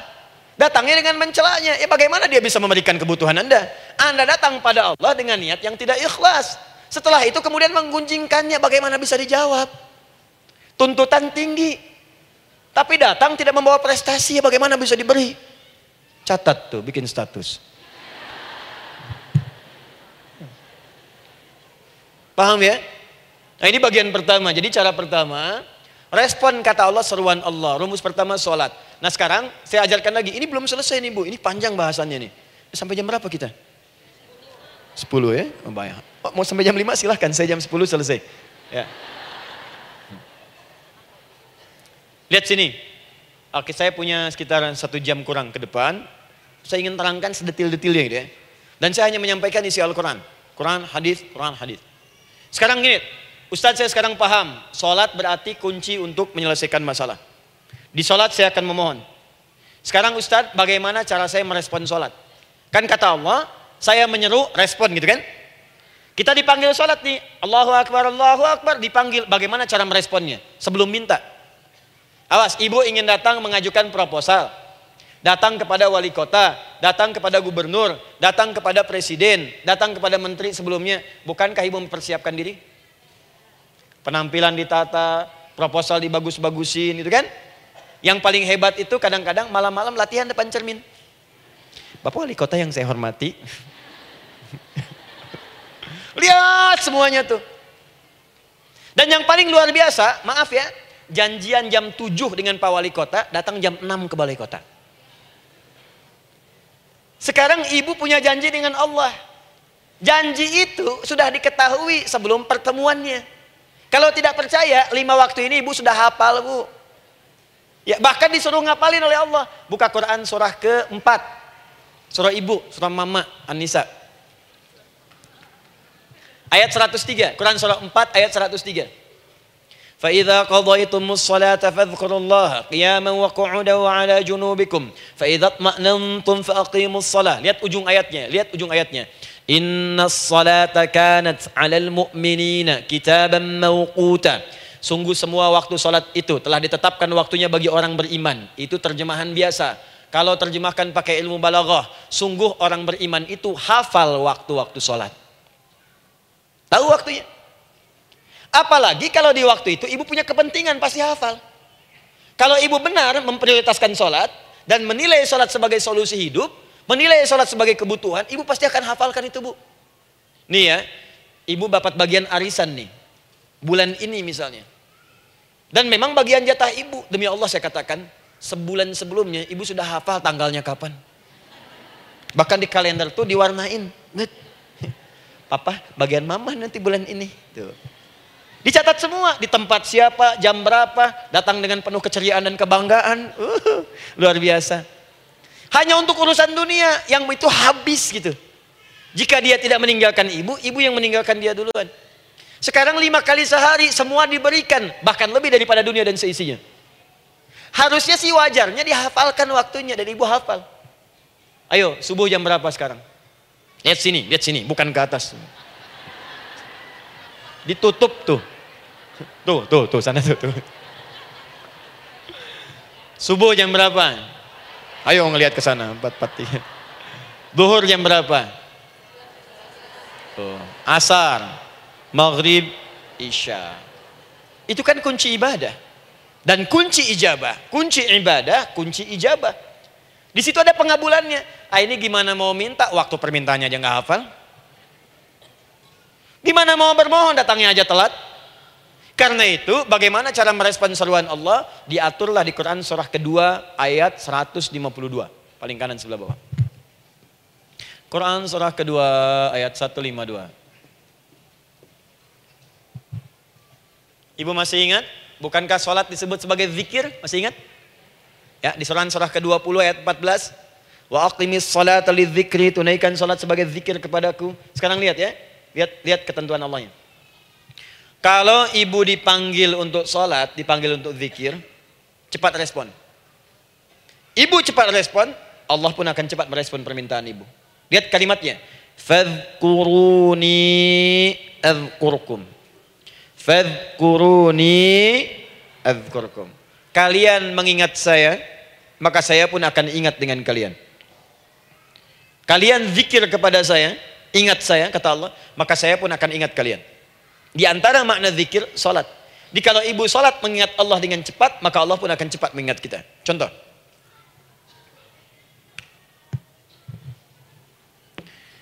Saya ambil waktu subuh misalnya. Di Bandung 4, 3, 3. 4, 4, 3. Oh, lihat kesan lagi terjadi perbedaan pendapat. Ya. Ada yang 433, ada yang 434, ada yang 435 dan seterusnya. Yang ambil tengah-tengah lah, 435 misalnya. Dalam 435. Lihat sini, fokus. Allahu Akbar, Allahu Akbar. 435. Dipanggil salat, diseru. Kan tadi rumusnya di Quran surah 2 ayat 13, 186. Faliyastajibuli. Kalau diseru cepat jawab gitu kan. Nah, terus diseru 435 adzan. Allahu Akbar, Allahu Akbar. Begitu diseru, ibu langsung datang. Ya Allah, sudah azan, seruan nih, saya siap-siap, saya ingin minta sesuatu. Nah, orang yang datang saat dia diseru Allah, dia pun datang kemudian untuk menyerunya, maka Allah pun akan menjawab apa yang ia mohonkan saat ia bermohon kepadanya. Perhatikan, dipanggil oleh Allah lewat suara muadzin, Allahu Akbar, Allahu Akbar, dia merespon cepat, siap sholat. Maka dia pun ketika memanggil Allah, seketika Allah pun akan jawab padanya. Sesuai dengan kadar responnya. Dipanggil saat itu, dia menjawab. Maka Allah pun akan ingat kepadanya hanya saat dia memanggil saja. Di saat panggil, diingat. Panggil, diingat. Jelas? Ini yang hebat. Dipanggil 435. Allahu Akbar, Allahu Akbar. Dia sudah ingat dari sejak jam 3 lewat 45. Dia bangun jam 3. Bisa. Padahal belum dipanggil. Datang. Bahkan Masya Allah. Melakukan warming up dulu. Tahajud. Istighfar. Baca Al-Quran. Sebelum dipanggil. Masya Allah bu. Ibu mau datang misalnya ke istana. Janjian jam 7 datang jam 6. Di situ ibu kerjakan yang baik-baik dulu. Wah lihat. Terus kelihatan CCTV kan. Wah ini orang bagus banget nih. Mulia, bagus. Sampah diambilin disapu. Kelihatan. Itu ibu belum datang pun udah dipanggil duluan. Ada orang yang belum dipanggil sudah datang menghadap Allah. Tahajud dia, zikir dulu, istighfar dulu. Ini orang, maaf ya, walaupun dia mem belum memanggil Allah, Allah sudah menyelesaikan semua persoalannya. Di orang-orang yang selalu ingat kepada Allah walaupun Allah dalam waktu tidak memanggilnya, maka Allah akan mengingatnya sekalipun orang ini belum bermohon kepadanya. Maka ibu nanti akan temukan orang-orang yang langsung diselesaikan persoalannya oleh Allah bahkan sebelum dia bermohon kepadanya. Ada orang yang seakan gak punya masalah bu. Bukan nggak punya masalah, sebab setiap dia punya masalah, masalahnya diringankan oleh Allah. Bisa akan-akan nggak ada beban. Ah ini indah hidupnya. Enak. Butuh sesuatu, sebelum nyari, datang. Ada persoalan, senyum dikit, selesai. Orang macet mengeluh, bikin status, dia macet malah senang. Dan hatinya dilapangkan oleh Allah. Bayangkan ada janji rapat, rapat jam 9, setengah 9 masih macet. Diprediksi di Google akan sampai 2 jam lagi. Yang lain mengeluh, telepon sana, telepon sini, ini. Dia nggak aja, lapang aja. Alhamdulillah ya Allah, kasih macet. Morotal, morotal. Saya mau dengerin surah Al-Baqarah. Buka. Apalin. Partnernya nelpon. Sampai di mana, akhi? Ini sampai di surah Al-Baqarah ayat 186. Nah, tidak ada yang sia-sia dari Allah. Sabar ya di sana. Ya, atau kita bisa koneksikan dari sini apa yang bisa saya selesaikan sekarang di sini sehingga sampai sana kita tinggal kesimpulan saja. Tenang hatinya. Gak ada gerasak, gerusuk, gulisah gini, telepon sana sini, klaksonin. Dasar lampu merah, lama, birunya sebentar. Padahal biru nggak ada, yang ada hijau kan. Jadi kalau sudah begitu enak bu. Yang perempuan ada di Quran Maryam. Maryam kan perempuan. Dan Maryam itu bukan nabi, bukan rasul. Ingin memberikan pesan kepada ibu, eh perempuan di mana pun.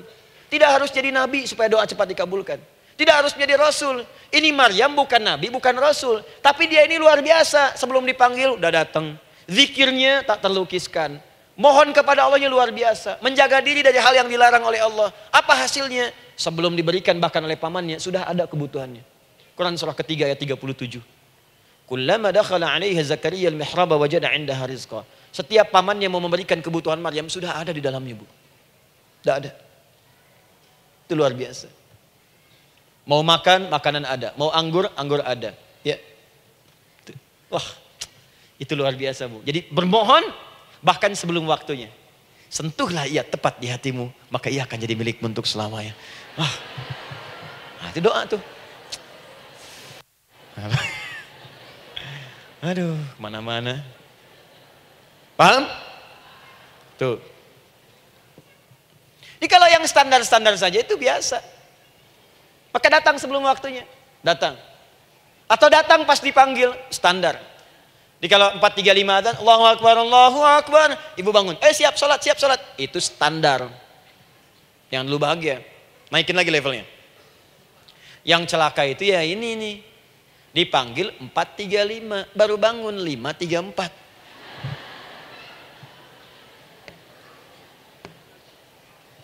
Sholat subuh belum, nuntutnya udah banyak.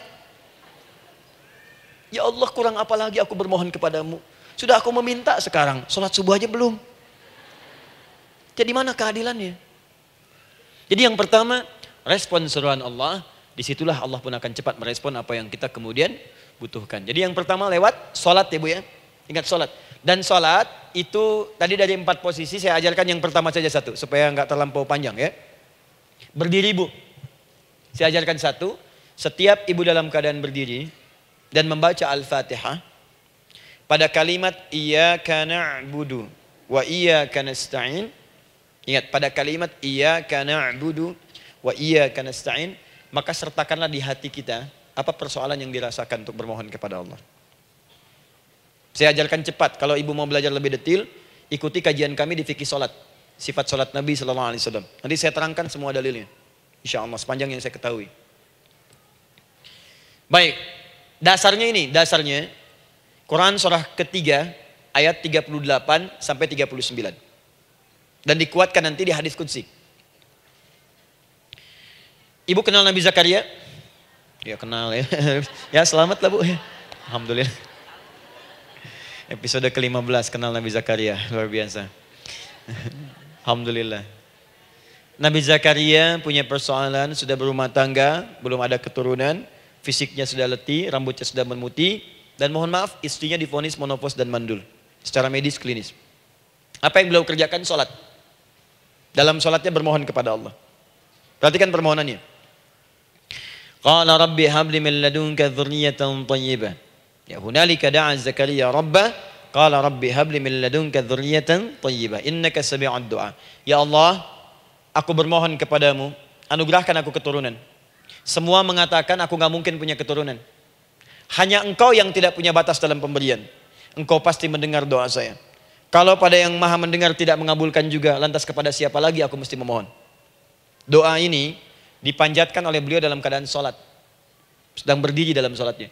Jadi ibu maaf ya, tolong jangan salah berpikir. Semua nabi dan rasul, orang soleh sebelumnya itu sholat. Cuma kita lebih sempurna gerakan dan jumlahnya, sempurna. Orang dulu sholat. Nabi Musa sholat, Quran surah 20 ayat 14. Nabi Isa sholat, Quran surah 19 ayat 31 sampai 33. Nabi Ismail sholat, Quran surah 19 ayat ke-55. Semua sholat. Sholat. Nabi Zakaria saat punya masalah, sholat. Dalam berdirinya minta dalam sholatnya. Dari mana Ustadz tahunya beliau minta dalam berdiri dalam sholat? Ayat 39 ya baca. Quran surah ketiga ayat 39. Fanadatul malaika maka doanya itu dijawab oleh Allah. Datang malaikat menyampaikan jawaban. Wahuwa qaimun yusalli fil mihrab. Sedangkan beliau masih berdiri dalam sholat di mihrab. Masih berdiri dalam sholat. Sholat. Di dalam sholat itu minta. Makanya semua bacaan sholat itu permintaan. Isinya. Dan dikabulkan oleh Allah. Annallah yubashir kabiyahya.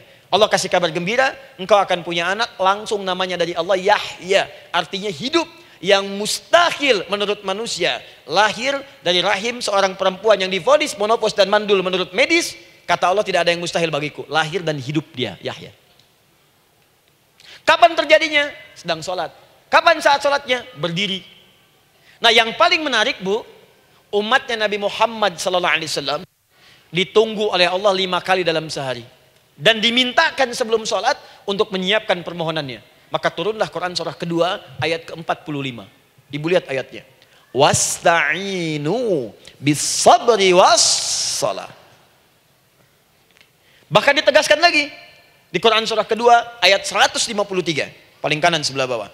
Ya ayyuhalladzina amanu sta'inu bisabri wassalah. Yang pertama, nggak pakai panggilan iman.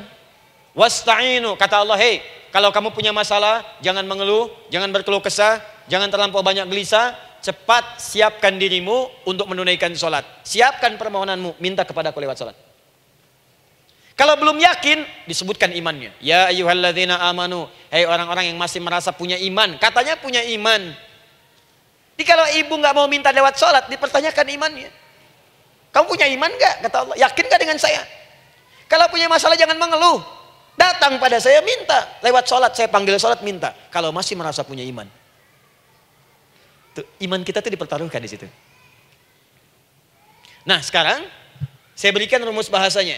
Allah memanggil kita dengan bentuk jama, perintah jama. Wasta'inu, wasta'inu. Itu bentuk perintah. Wasta'inu bentuk perintah.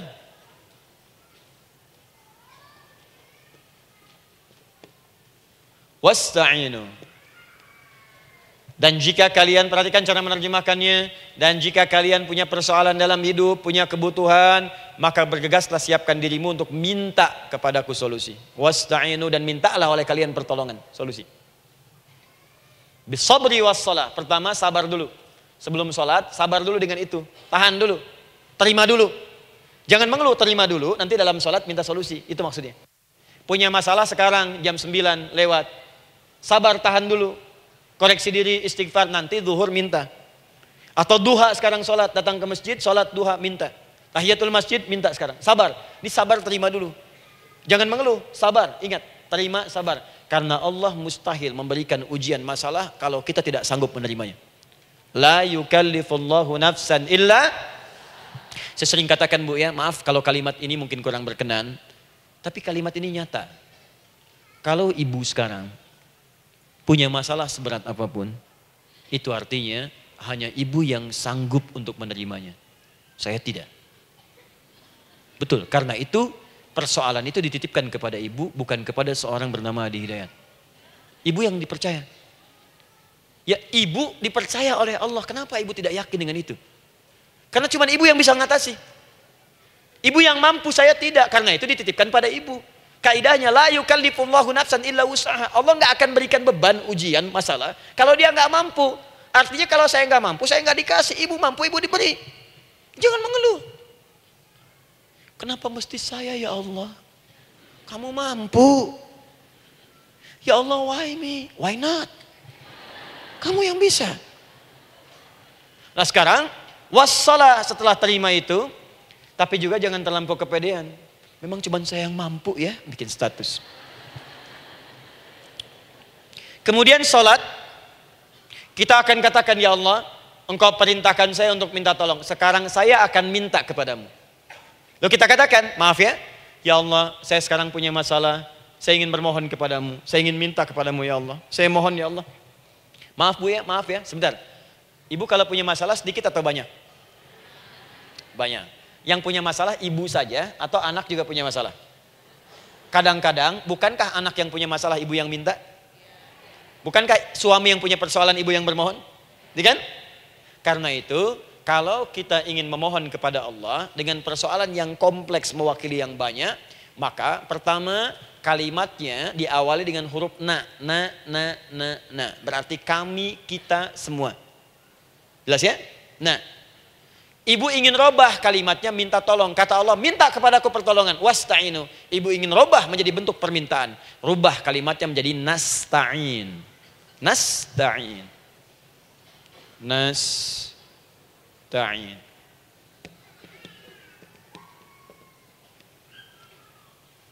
Wasta'inu nasta'in.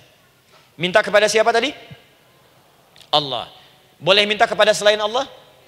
Tidak. Hanya kepada Allah saja? Hanya kepada Allah saja. Hanya kepadamu ya Allah. Tidak kepada yang lain. Maka kalimatnya menjadi iyaka. Iyaka. Hanya kepadamu saja ya Allah. Engkau berjanji. Kalau ada masalah minta aku berikan. Sekarang hanya kepadamu saja ya Allah. Aku bermohon. Maka kalimatnya namanya iya kanas. Sekarang saya tanya kepada ibu, apakah dalam sholat ibu membaca kalimat iya kanas ta'in? Tuh. Saya mau tanya, ibu bacanya saat ruku atau saat sujud? Berdiri. Gak ada orang ruku baca kalimat ini. Allahu Akbar. Iya karena berdua, iya karena. Berdiri. Iya karena budu wa iya. Nah, sekarang saya bacakan hadis kutsinya. Tersambung dari Nabi Sallallahu Alaihi Wasallam.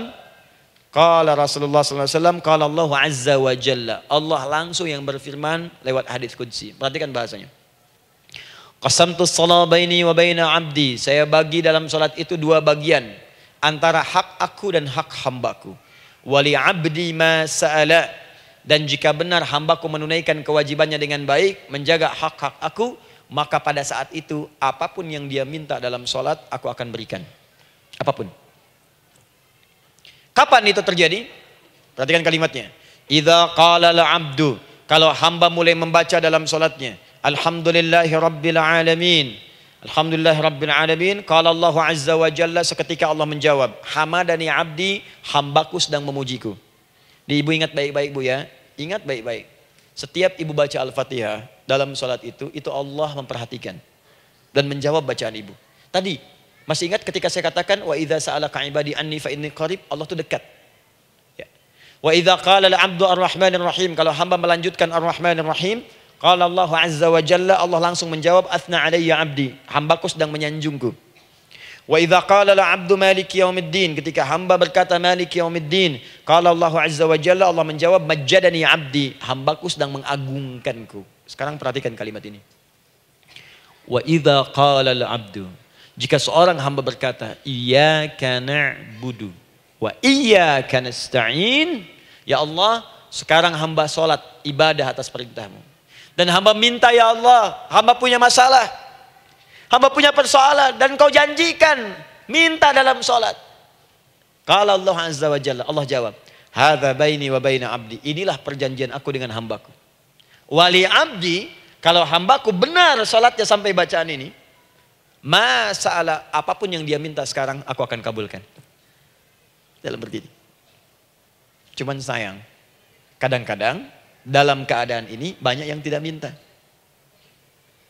Maka caranya saya sampaikan yang pertama, kalau ibu sudah sampai ke bacaan ini, iya kana budu wa iya nasta'in, sertakanlah dalam hati ibu. Gak usah dilafazkan. Sertakan ibu punya masalah apa. Atau secara umum minta solusi. Minta. Nabi itu kalau sholat, Nabi SAW kalau sholat, itu kalau baca ayat-ayat Quran, itu sering kali berhenti bu. Sering berhenti. Kalau dalam ayat doa, beliau berhenti, mohonkan dengan baik. Kalau ayat-ayat surga, minta supaya umatnya ke surga. Ayat-ayat neraka, mohon supaya umatnya dibebaskan dari neraka. Minta. Kesaksiannya banyak. Hudzaifah al-Yamani pernah salat di belakang Nabi begitu. Abdullah bin Mas'ud radhiyallahu taala anhu salat di belakang Nabi begitu. Ubay bin Ka'ab radhiyallahu taala anhu salat di belakang Nabi begitu. Di kesaksian mereka sama semua. Makanya sering kali itu nggak sadar enak salat dengan Nabi itu. Nyaman kalau baca ayat surga seakan-akan pengen cepat ke surga. Kalau baca ayat doa berdoa jadi nggak sadar. Rakaat pertama 100 ayat aja Al-Baqarah. Ya, kadang-kadang lewat ke Ali Imran. Pernah rekornya 5 juz 4 halaman. An-Nisa ayat 176 baru berhenti. Ya walaupun besoknya nggak pada ikutan lagi. Ya, karena merasa ini kapan rukunya gitu, sekarang atau nanti, sekarang atau nanti. Tapi enak. Nah saya ajarkan satu hal, kalau kita sampai pada bacaan Al-Fatihah tadi, jeda sejenak bu, rasakan itu minta. Minta. Setelah itu Allah ajarkan satu lafad, kalau lafad ini benar dibacakan oleh ibu, benar dibacakan, maka seketika doa akan dijawab. Langsung dikabulkan. Apa bacaan itu? Nah, nanti dalam pelajaran selanjutnya kita akan bahas ya insya Allah. Ah, masih ada waktu? Ah, oh ya, kalau masih kita bahas ya. Masih. uh, ada sesi mau jawab pertanyaan dulu, diskusi dulu atau saya teruskan sebentar? Teruskan ya. Baik, kalau kita sampai jam 10, saya jeda sampai ke 9.45. Jadi 15 menitnya kita bisa diskusi ya. Baik. Apa lafad yang kita bisa mohonkan? Teruskan ayatnya. Ihdinas siratal mustaqim. Ihdinas siratal mustaqim. Ihdinas siratal mustaqim. Ini Bu, nanti Ibu lihat uh, dalam kajian tafsir yang kami sampaikan juga dalam kajian fikih salat saya bahas dengan detil. Di sini singkat saja, singkat padat. Ihdina itu ya Allah berikan kami hidayah. Berikan kami jalan. Berikan kami petunjuk, tunjukkan kami jalan yang lurus. Kalimat ihdina asalnya dari kata hidayah. Hidayah, jamaknya hudan. Ihdina, berikan kami hidayah. Berikan kami hudan. Kalau tunjukkan kami jalan yang lurus, itu terjemahan bu. Terjemahan. Kalau ibu ingin makna tafsir per huruf, per kalimat, bahkan per harokat, itu semua ada maknanya. Karena semua kalimat Quran itu mukjizat. Ihdina dari kata hidayah, hudan. Berikan kami hidayah. Hidayah dalam bahasa Arab itu banyak maknanya. Bisa solusi dari semua persoalan. Bisa jalan menuju kemudahan. Bisa kesuksesan bisa petunjuk, banyak. Kalau dikumpulkan namanya hudan, hudan. Makanya Al-Quran disebut hudan, karena di Quran ada semua. Solusi ada, petunjuk ada, kemudahan ada. Zalikal kitabu la raiba fi hudal. Al-Quran hudan. Syahrul Ramadan alladhi unzila fihi al-Quran hudan linnas. Isi Quran semua hudan. Di situ ada solusi. Di situ ada petunjuk. Di situ ada kemudahan. Kalau kita ingin minta semua itu, kalimatnya dikatakan fi'il amr lit talab permohonan dalam bentuk kalimat permintaan ihdina berikan kepada kami hudan kalau sudah mengatakan ihdina artinya minta solusi minta kemudahan minta petunjuk. Jadi ketika ibu mengucapkan kalimat ihdina siratal mustaqim itu artinya ya Allah berikan kepada kami solusi dari masalah yang sedang sedang saya hadapi. Berikan petunjuk dari persoalan yang sedang saya jalani. Berikan kemudahan ya Allah dari kesulitan yang tengah saya hadapi. Siratal mustaqim yang lurus yang gampang.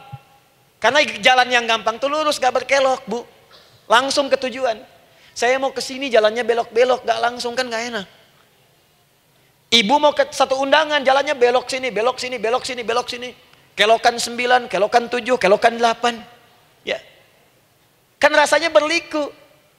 Ibu ingin mendapatkan solusi, tapi dilempar-lempar. Ke sini dulu, berkelok. Sini dulu, sini dulu, sini dulu. Kenapa nggak ibu lurus dapatkan langsung? Dalam bahasa Arab, apalagi kalimat yang fasih, mendapatkan sesuatu dengan gampang, dengan mudah, as-siratal mustaqim, lurus ke tujuan, cepat, mudah. Apalagi ke surga nanti, tunjukkan kami jalan yang lurus, yang benar, hak dari Allah dan mudah didapatkan. Itu maksudnya. Ini bukan sekedar tunjukkan jalan yang lurus, solusi yang mudah, yang gampang, yang cepat. Paham di sini ya? Seperti orang-orang dulu mendapatkannya. Siratal ladzina amta alaihim. Seperti orang dulu mendapatkan semua kenikmatan ketika mereka bermohon kepadamu ya Allah. Siapa mereka? Ada empat golongan disebutkan di Quran surah keempat ayat 69. Ada para nabi, orang-orang judul siddiqin, para syuhada dan orang-orang soleh. Ya, wa may yuti'illaha wa rasul fa ulaika ma'al ladzina an'ama Allahu 'alaihim minan nabiyyina was-siddiqina wasyuhada was-salihin. Di, para nabi dulu berdoa, ya Allah, saya ada masalah dikabulkan. Kita minta ya Allah, sekarang saya berdoa, tolong kabulkan seperti nabi-nabi dulu dikabulkan. Nabi Ayub sakit berdoa dikabulkan. Kita sakit dikabulkan. Nabi Ibrahim ada ujian dikabulkan. Nabi Ibrahim punya ujian dengan anak. Kita ada ujian dengan anak, minta dikabulkan.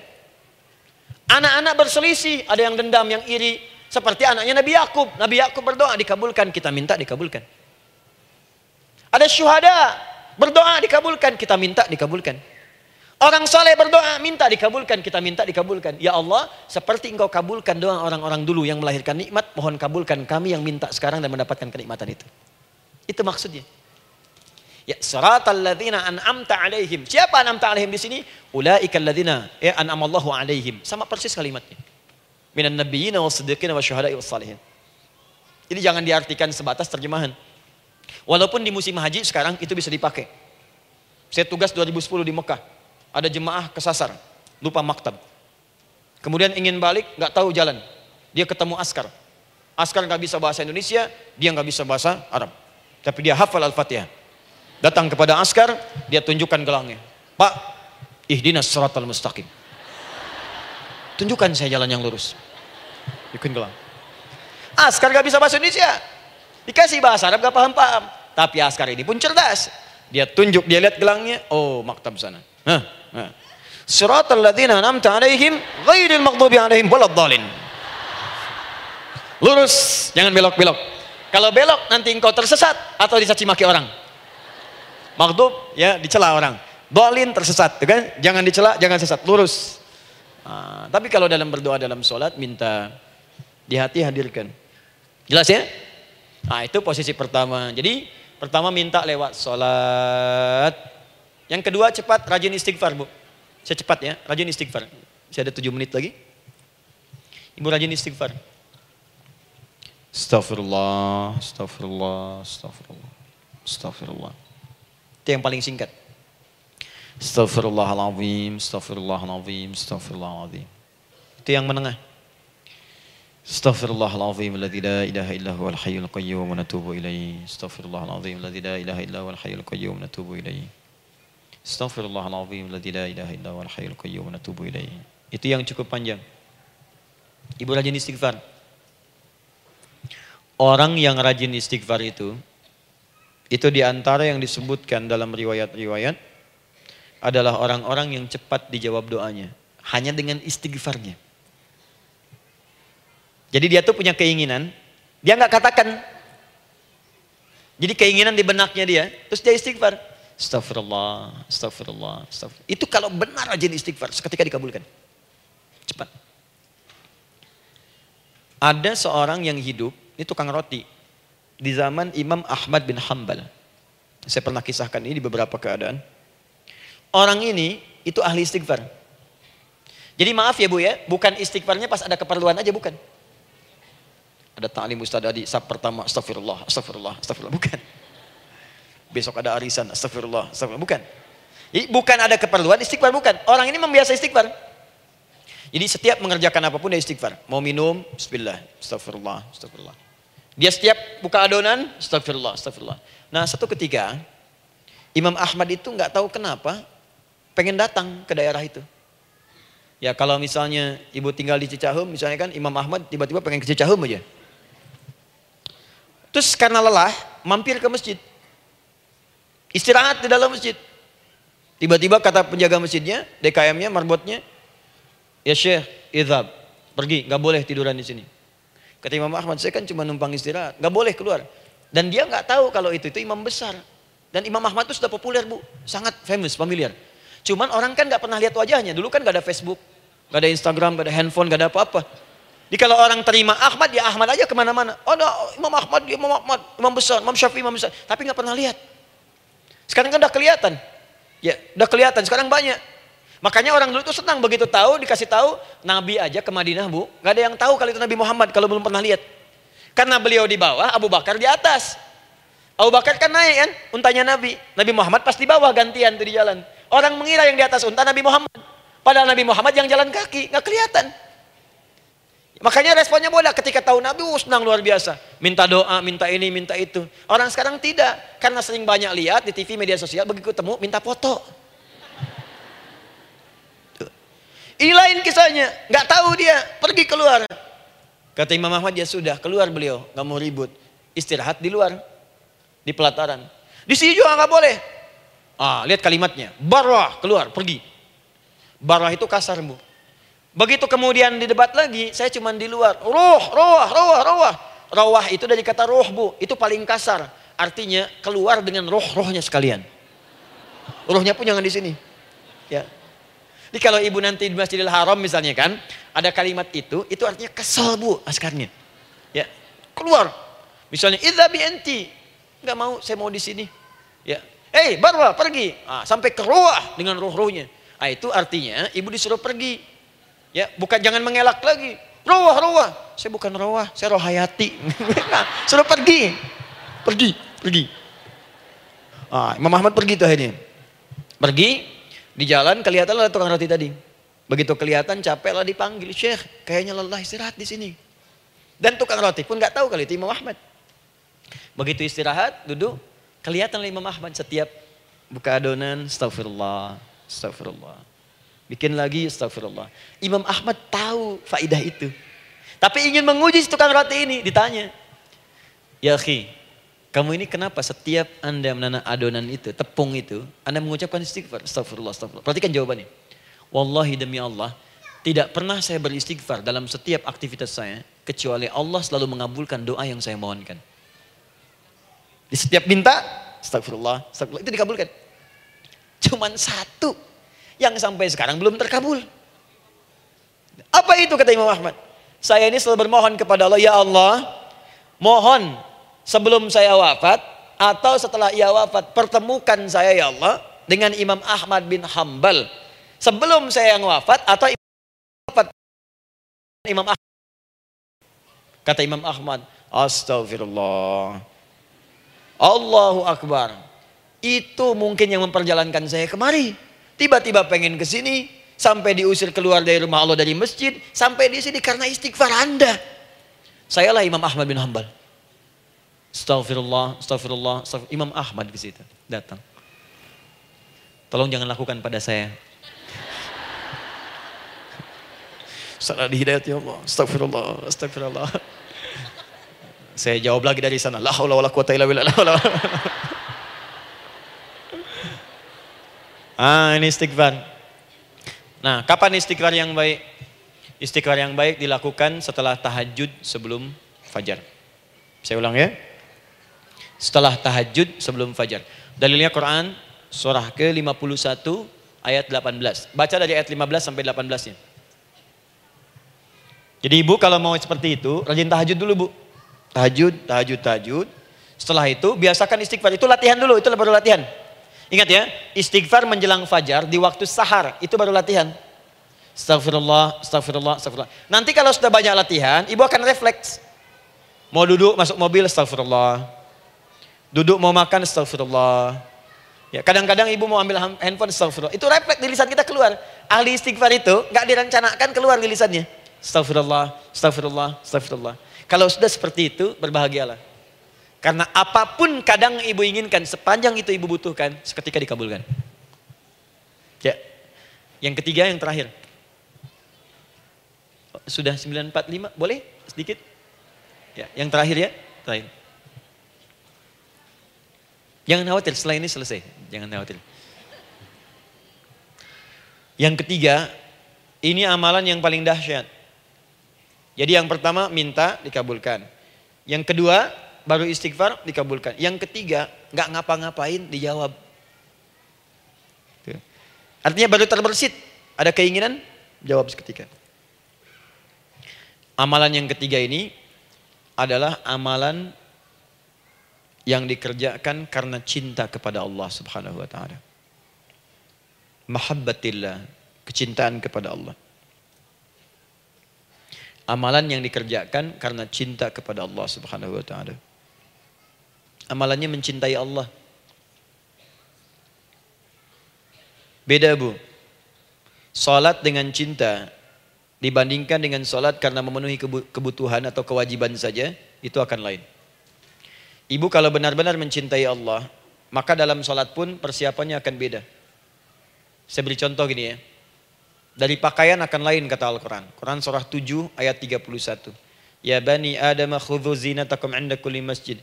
Hei anak cucu Adam kalau ada panggilan dari masjid kenakan pakaian terindahmu. Di orang-orang yang mencintai Allah saat akan sholat, dia akan perhatikan dari pakaiannya. Jauhkan dari yang haram.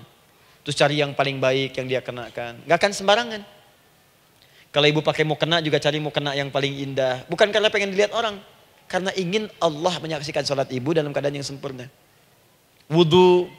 Wudhu itu hati-hati gitu. Quran surah kelima ayat ke-6. Ya ayyuhalladzina amanu idza qumtum ila shalah faghsilu wujuhakum wa aydiyakum lil marafiq wamsahu bi ru'usikum wa arjulakum lil ka'bain. Jika ada orang beriman mencintai Allah, mau sholat dia mau wudhu, wudhunya nggak akan sembarangan bu. Cuman basuh, basuh, basuh. Ya, bagian kepala juga harusnya kepala dia rambut. Takut takut takut takut takut takut takut takut selesai. Sampai ke kaki cuma disodorkan di keran, beres. Itu sih anak kecil juga bisa. Orang ini lain. Dia akan pelan-pelan dilihat secara sempurna. Hati-hati, kerjakan karena Allah karena ingin baik. Kalau orang sholat hanya kebutuhan saja, maka yang penting dia takbir sampai salam selesai. Tapi ini tidak, dia akan pelajari bagaimana Nabi mengajarkan sholat yang benar. Bagaimana bacaan saya benar? Dia belajar ngaji supaya benar bacaan Fatihahnya. Dia belajar dengan baik supaya khusyuk di dalam salatnya. Dia pahami satu-satu. Apa artinya Allahu Akbar? Apa artinya Subhana Rabbiyal Azim? Apa artinya Subhana Rabbiyal A'la? Apa artinya Sami Allahu liman hamidah? Dipahami. Di begitu dia salat baru takbir sudah paham isinya.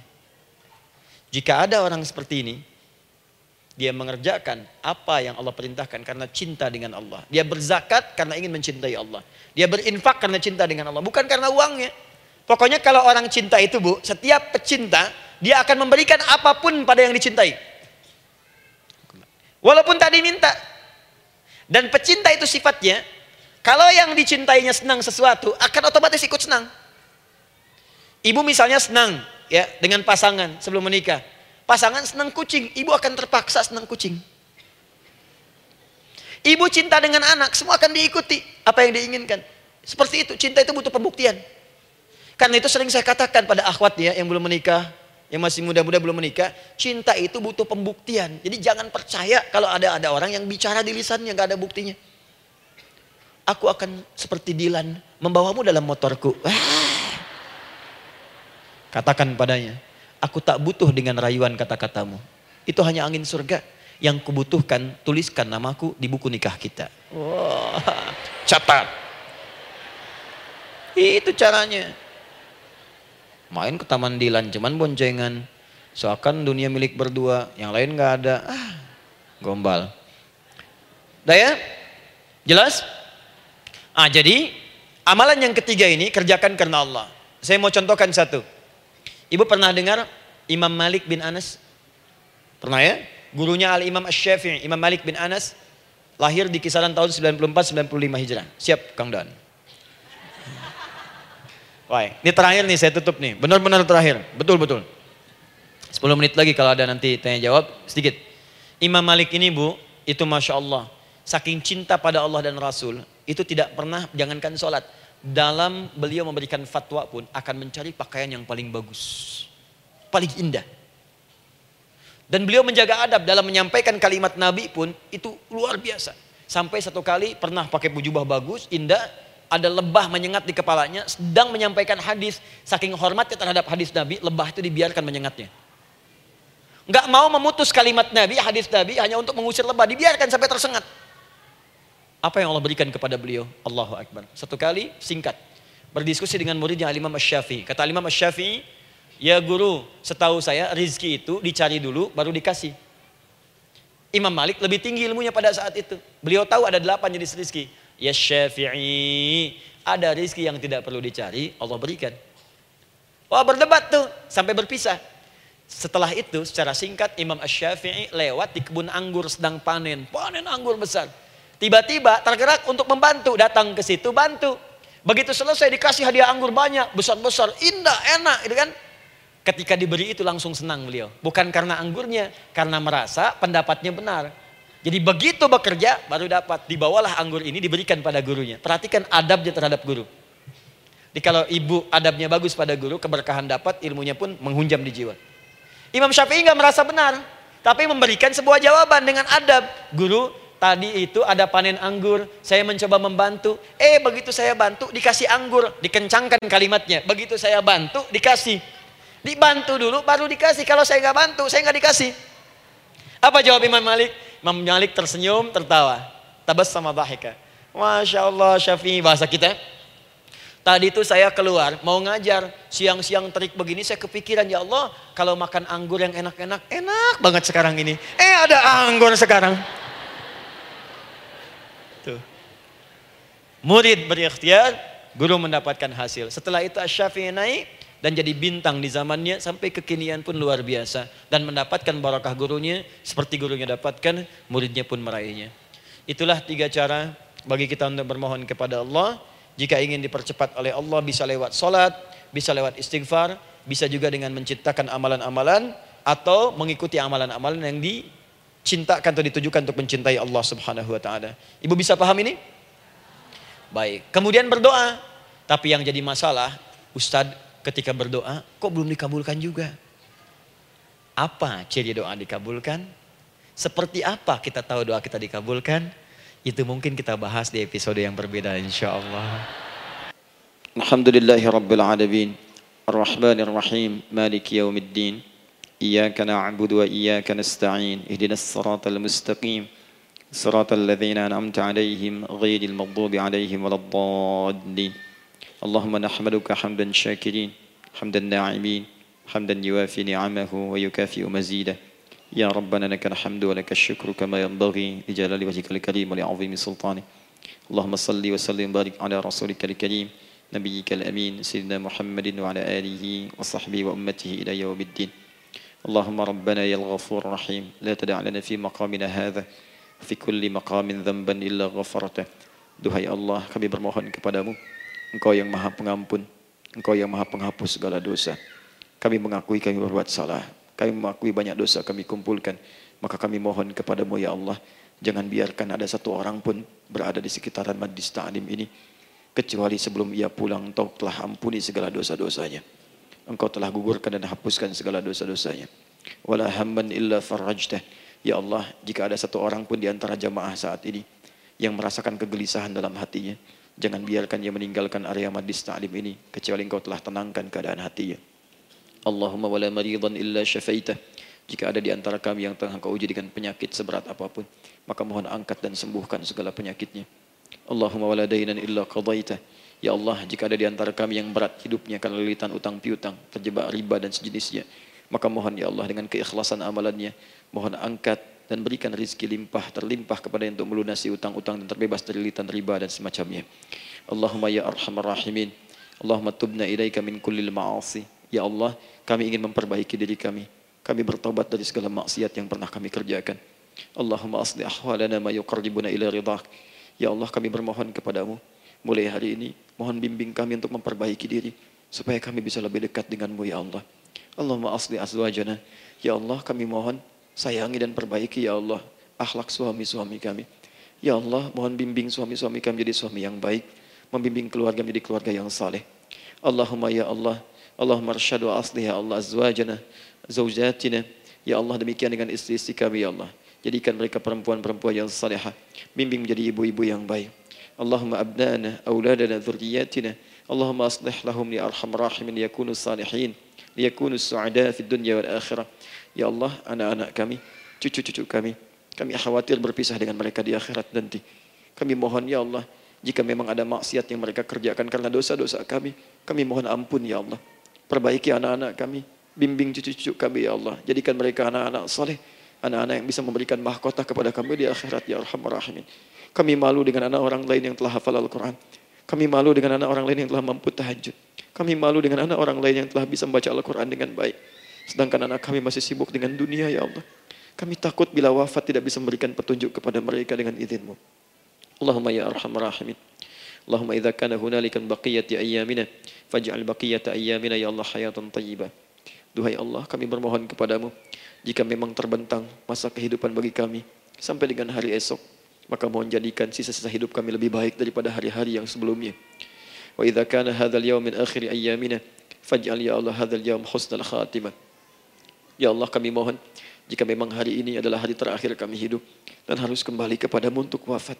Mohon jadikan di hari ini kami husnul khatimah. Allahumma qawwi lisanana ila kulli kalimat tauhid la ilaha illallah Muhammadur Rasulullah. Ya Allah kami mohon jika kelak kami akan wafat ringankan lisan kami untuk mengucapkan kalimat tauhid la ilaha illallah Muhammadur Rasulullah. Wa ajib kalimatan bi qawlika ya ayyatuhan nafsul mutmainnah irji'i ila rabbika radiyatan mardiyah fadkhuli fi ibadi wadkhuli jannati. Ya Allah, kami mohon kelak nanti dalam sakaratul maut nanti jika kami bermohon kepadamu dengan kalimat tauhid la ilaha illallah. Mohon jawab kalimat kami ya Allah dengan panggilanmu yang indah.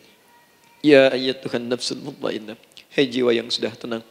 Irji'i ila rabbika radiyatan mardiyah. Hei cepat pulang menghadap kepada Rabbmu.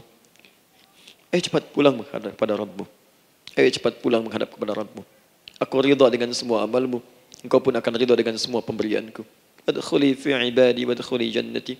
Engkau aku masukkan dalam golongan hambaku. Aku siapkan surga untuk menyambutmu. Allahumma ishtaqna bi Rasulillah sallallahu alaihi wasallam. Ya Allah, kami rindu sekali dengan Rasulullah sallallahu alaihi wasallam. Lam na'ish ma'ahu fil hayat wa lam narahu fil manam. Kami belum pernah hidup bersama beliau di dunia, tidak mampu menatapnya di alam mimpi. Maka mohon ya Allah, jangan biarkan kami berpisah dengan Rasulullah di akhirat nanti ya Rabbal Alamin. Jumpakan kami dengan Rasulullah di Taman Firdaus yang paling indah. Allahumma ya arhamar rahimin. Allahumma rizqna yusra ya Allah. Likulil hujjaj. Ya Allah, anugerahkan kemudahan, kelapangan kepada para jemaah haji yang berhaji tahun ini ya arhamar rahimin. Allahumma taqabbal minhum ya Allah hajjahum. Sa'yahum sa'yan mashkura. Wa dhanbahum dhanban maghfura. Wa tijaratahum tijaratan lan tabura. Ya Allah jangan sia-siakan pengorbanan fisik mereka, biaya mereka, waktu mereka, tenaga mereka, emosi mereka. Terima haji mereka ya Allah. Jadikan sa'i mereka berhasil, tawaf mereka benar, jadikan seluruh manasik yang kau ridhai ya arhamar rahimin. Allahumma ya Allah rizq rizqan hasanan tayyiban liyahujju kulla man lam yahujj ya arhamar rahimin. Ya Allah, bagi kawan-kawan kami, kerabat kami, saudara kami, tetangga kami yang belum berhaji, maka anugerahkan kemudahan bagi mereka untuk berhaji ya Allah. Anugerahkan kelapangan untuk berhaji ya Allah. Sekalipun memang tidak terbuka kesempatan itu, maka mohon anugerahkan sifat mabrur kepada kami. Sekalipun tidak mendapati ibadahnya. Allahumma ya arhamar rahimin. Allahumma rizukna ya Allah nikmatan salihah. Ya Allah, anugerahkan kepada kami nikmat untuk menjadi orang saleh di dunia dan kembali kepadamu di akhirat dalam keadaan saleh. Salihin ma'al ladzina an'amta 'alaihim minan nabiyyin was-siddiqin wasyuhada was-salihin wa hasuna ulaika rafiqa. Ya Allah, kumpulkan kelak kami di surga dengan para nabi, orang-orang saleh, para syuhada, orang-orang yang benar di hadapanmu. Itulah nikmat terbaik yang mampu kami dapatkan. Allahumma ya Rabb, Allah qulubana, ati anfusana taqwaha, wa zakkiha anta khairu man zakkaha, anta waliyuha wa maulaha.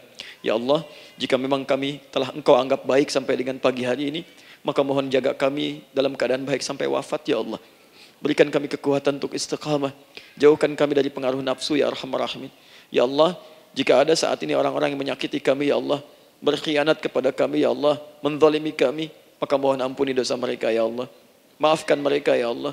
Bimbing mereka untuk sadar dan bertobat ya Allah. Titipkan dalam jiwa kami sifat untuk saling menyayangi ya Allah. Titipkan dalam jiwa kami sifat untuk saling memaafkan ya Allah. Titipkan dalam jiwa kami sifat untuk bisa memperhatikan ya Allah. Allahumma ya Rabb. ربنا آتنا في الدنيا حسنة وفي الآخرة حسنة وقنا عذاب النار بفضلك سبحان ربك رب العزة عما يصفون والسلام على المرسلين وآخر دعوانا أن الحمد لله رب العالمين Sebelum saya akhiri dengan doa kifaratul majlis dan salam, saya ingin ucapkan terima kasih pada seluruhnya untuk nalim kita di pagi hari ini. Semoga Allah menerima semuanya dan semoga Allah muliakan. Dan terkhusus juga untuk Kang Daan, terima kasih uh, untuk kali ini dan semoga istiqamah dalam kebaikan dan masya Allah Amin, amin. Uh, beliau menginspirasi dan saya ingin menjadikan juga beliau sahabat dalam kehidupan untuk seluruhnya. Amin. Dan sahabat terbaik selalu memberikan yang terbaik untuk sahabatnya. Karena itu di pagi hari ini saya ingin sampaikan kepada Bapak Ibu sekalian, Bapak mungkin yang hadir, Ibu yang hadir, saya ingin berikan pada sahabat saya satu anugerah yang mungkin Allah titipkan. Eh, saya akan ajak Kang Daan untuk menunaikan ibadah umrah dengan saya di bulan September insya Allah. Eh, saat kami akan berangkat pada tanggal 9 September tahun 2019. Saya kira itu dan semoga bermanfaat khairan. Allah. Baik. Semoga Allah muliakan untuk semuanya. Terima kasih.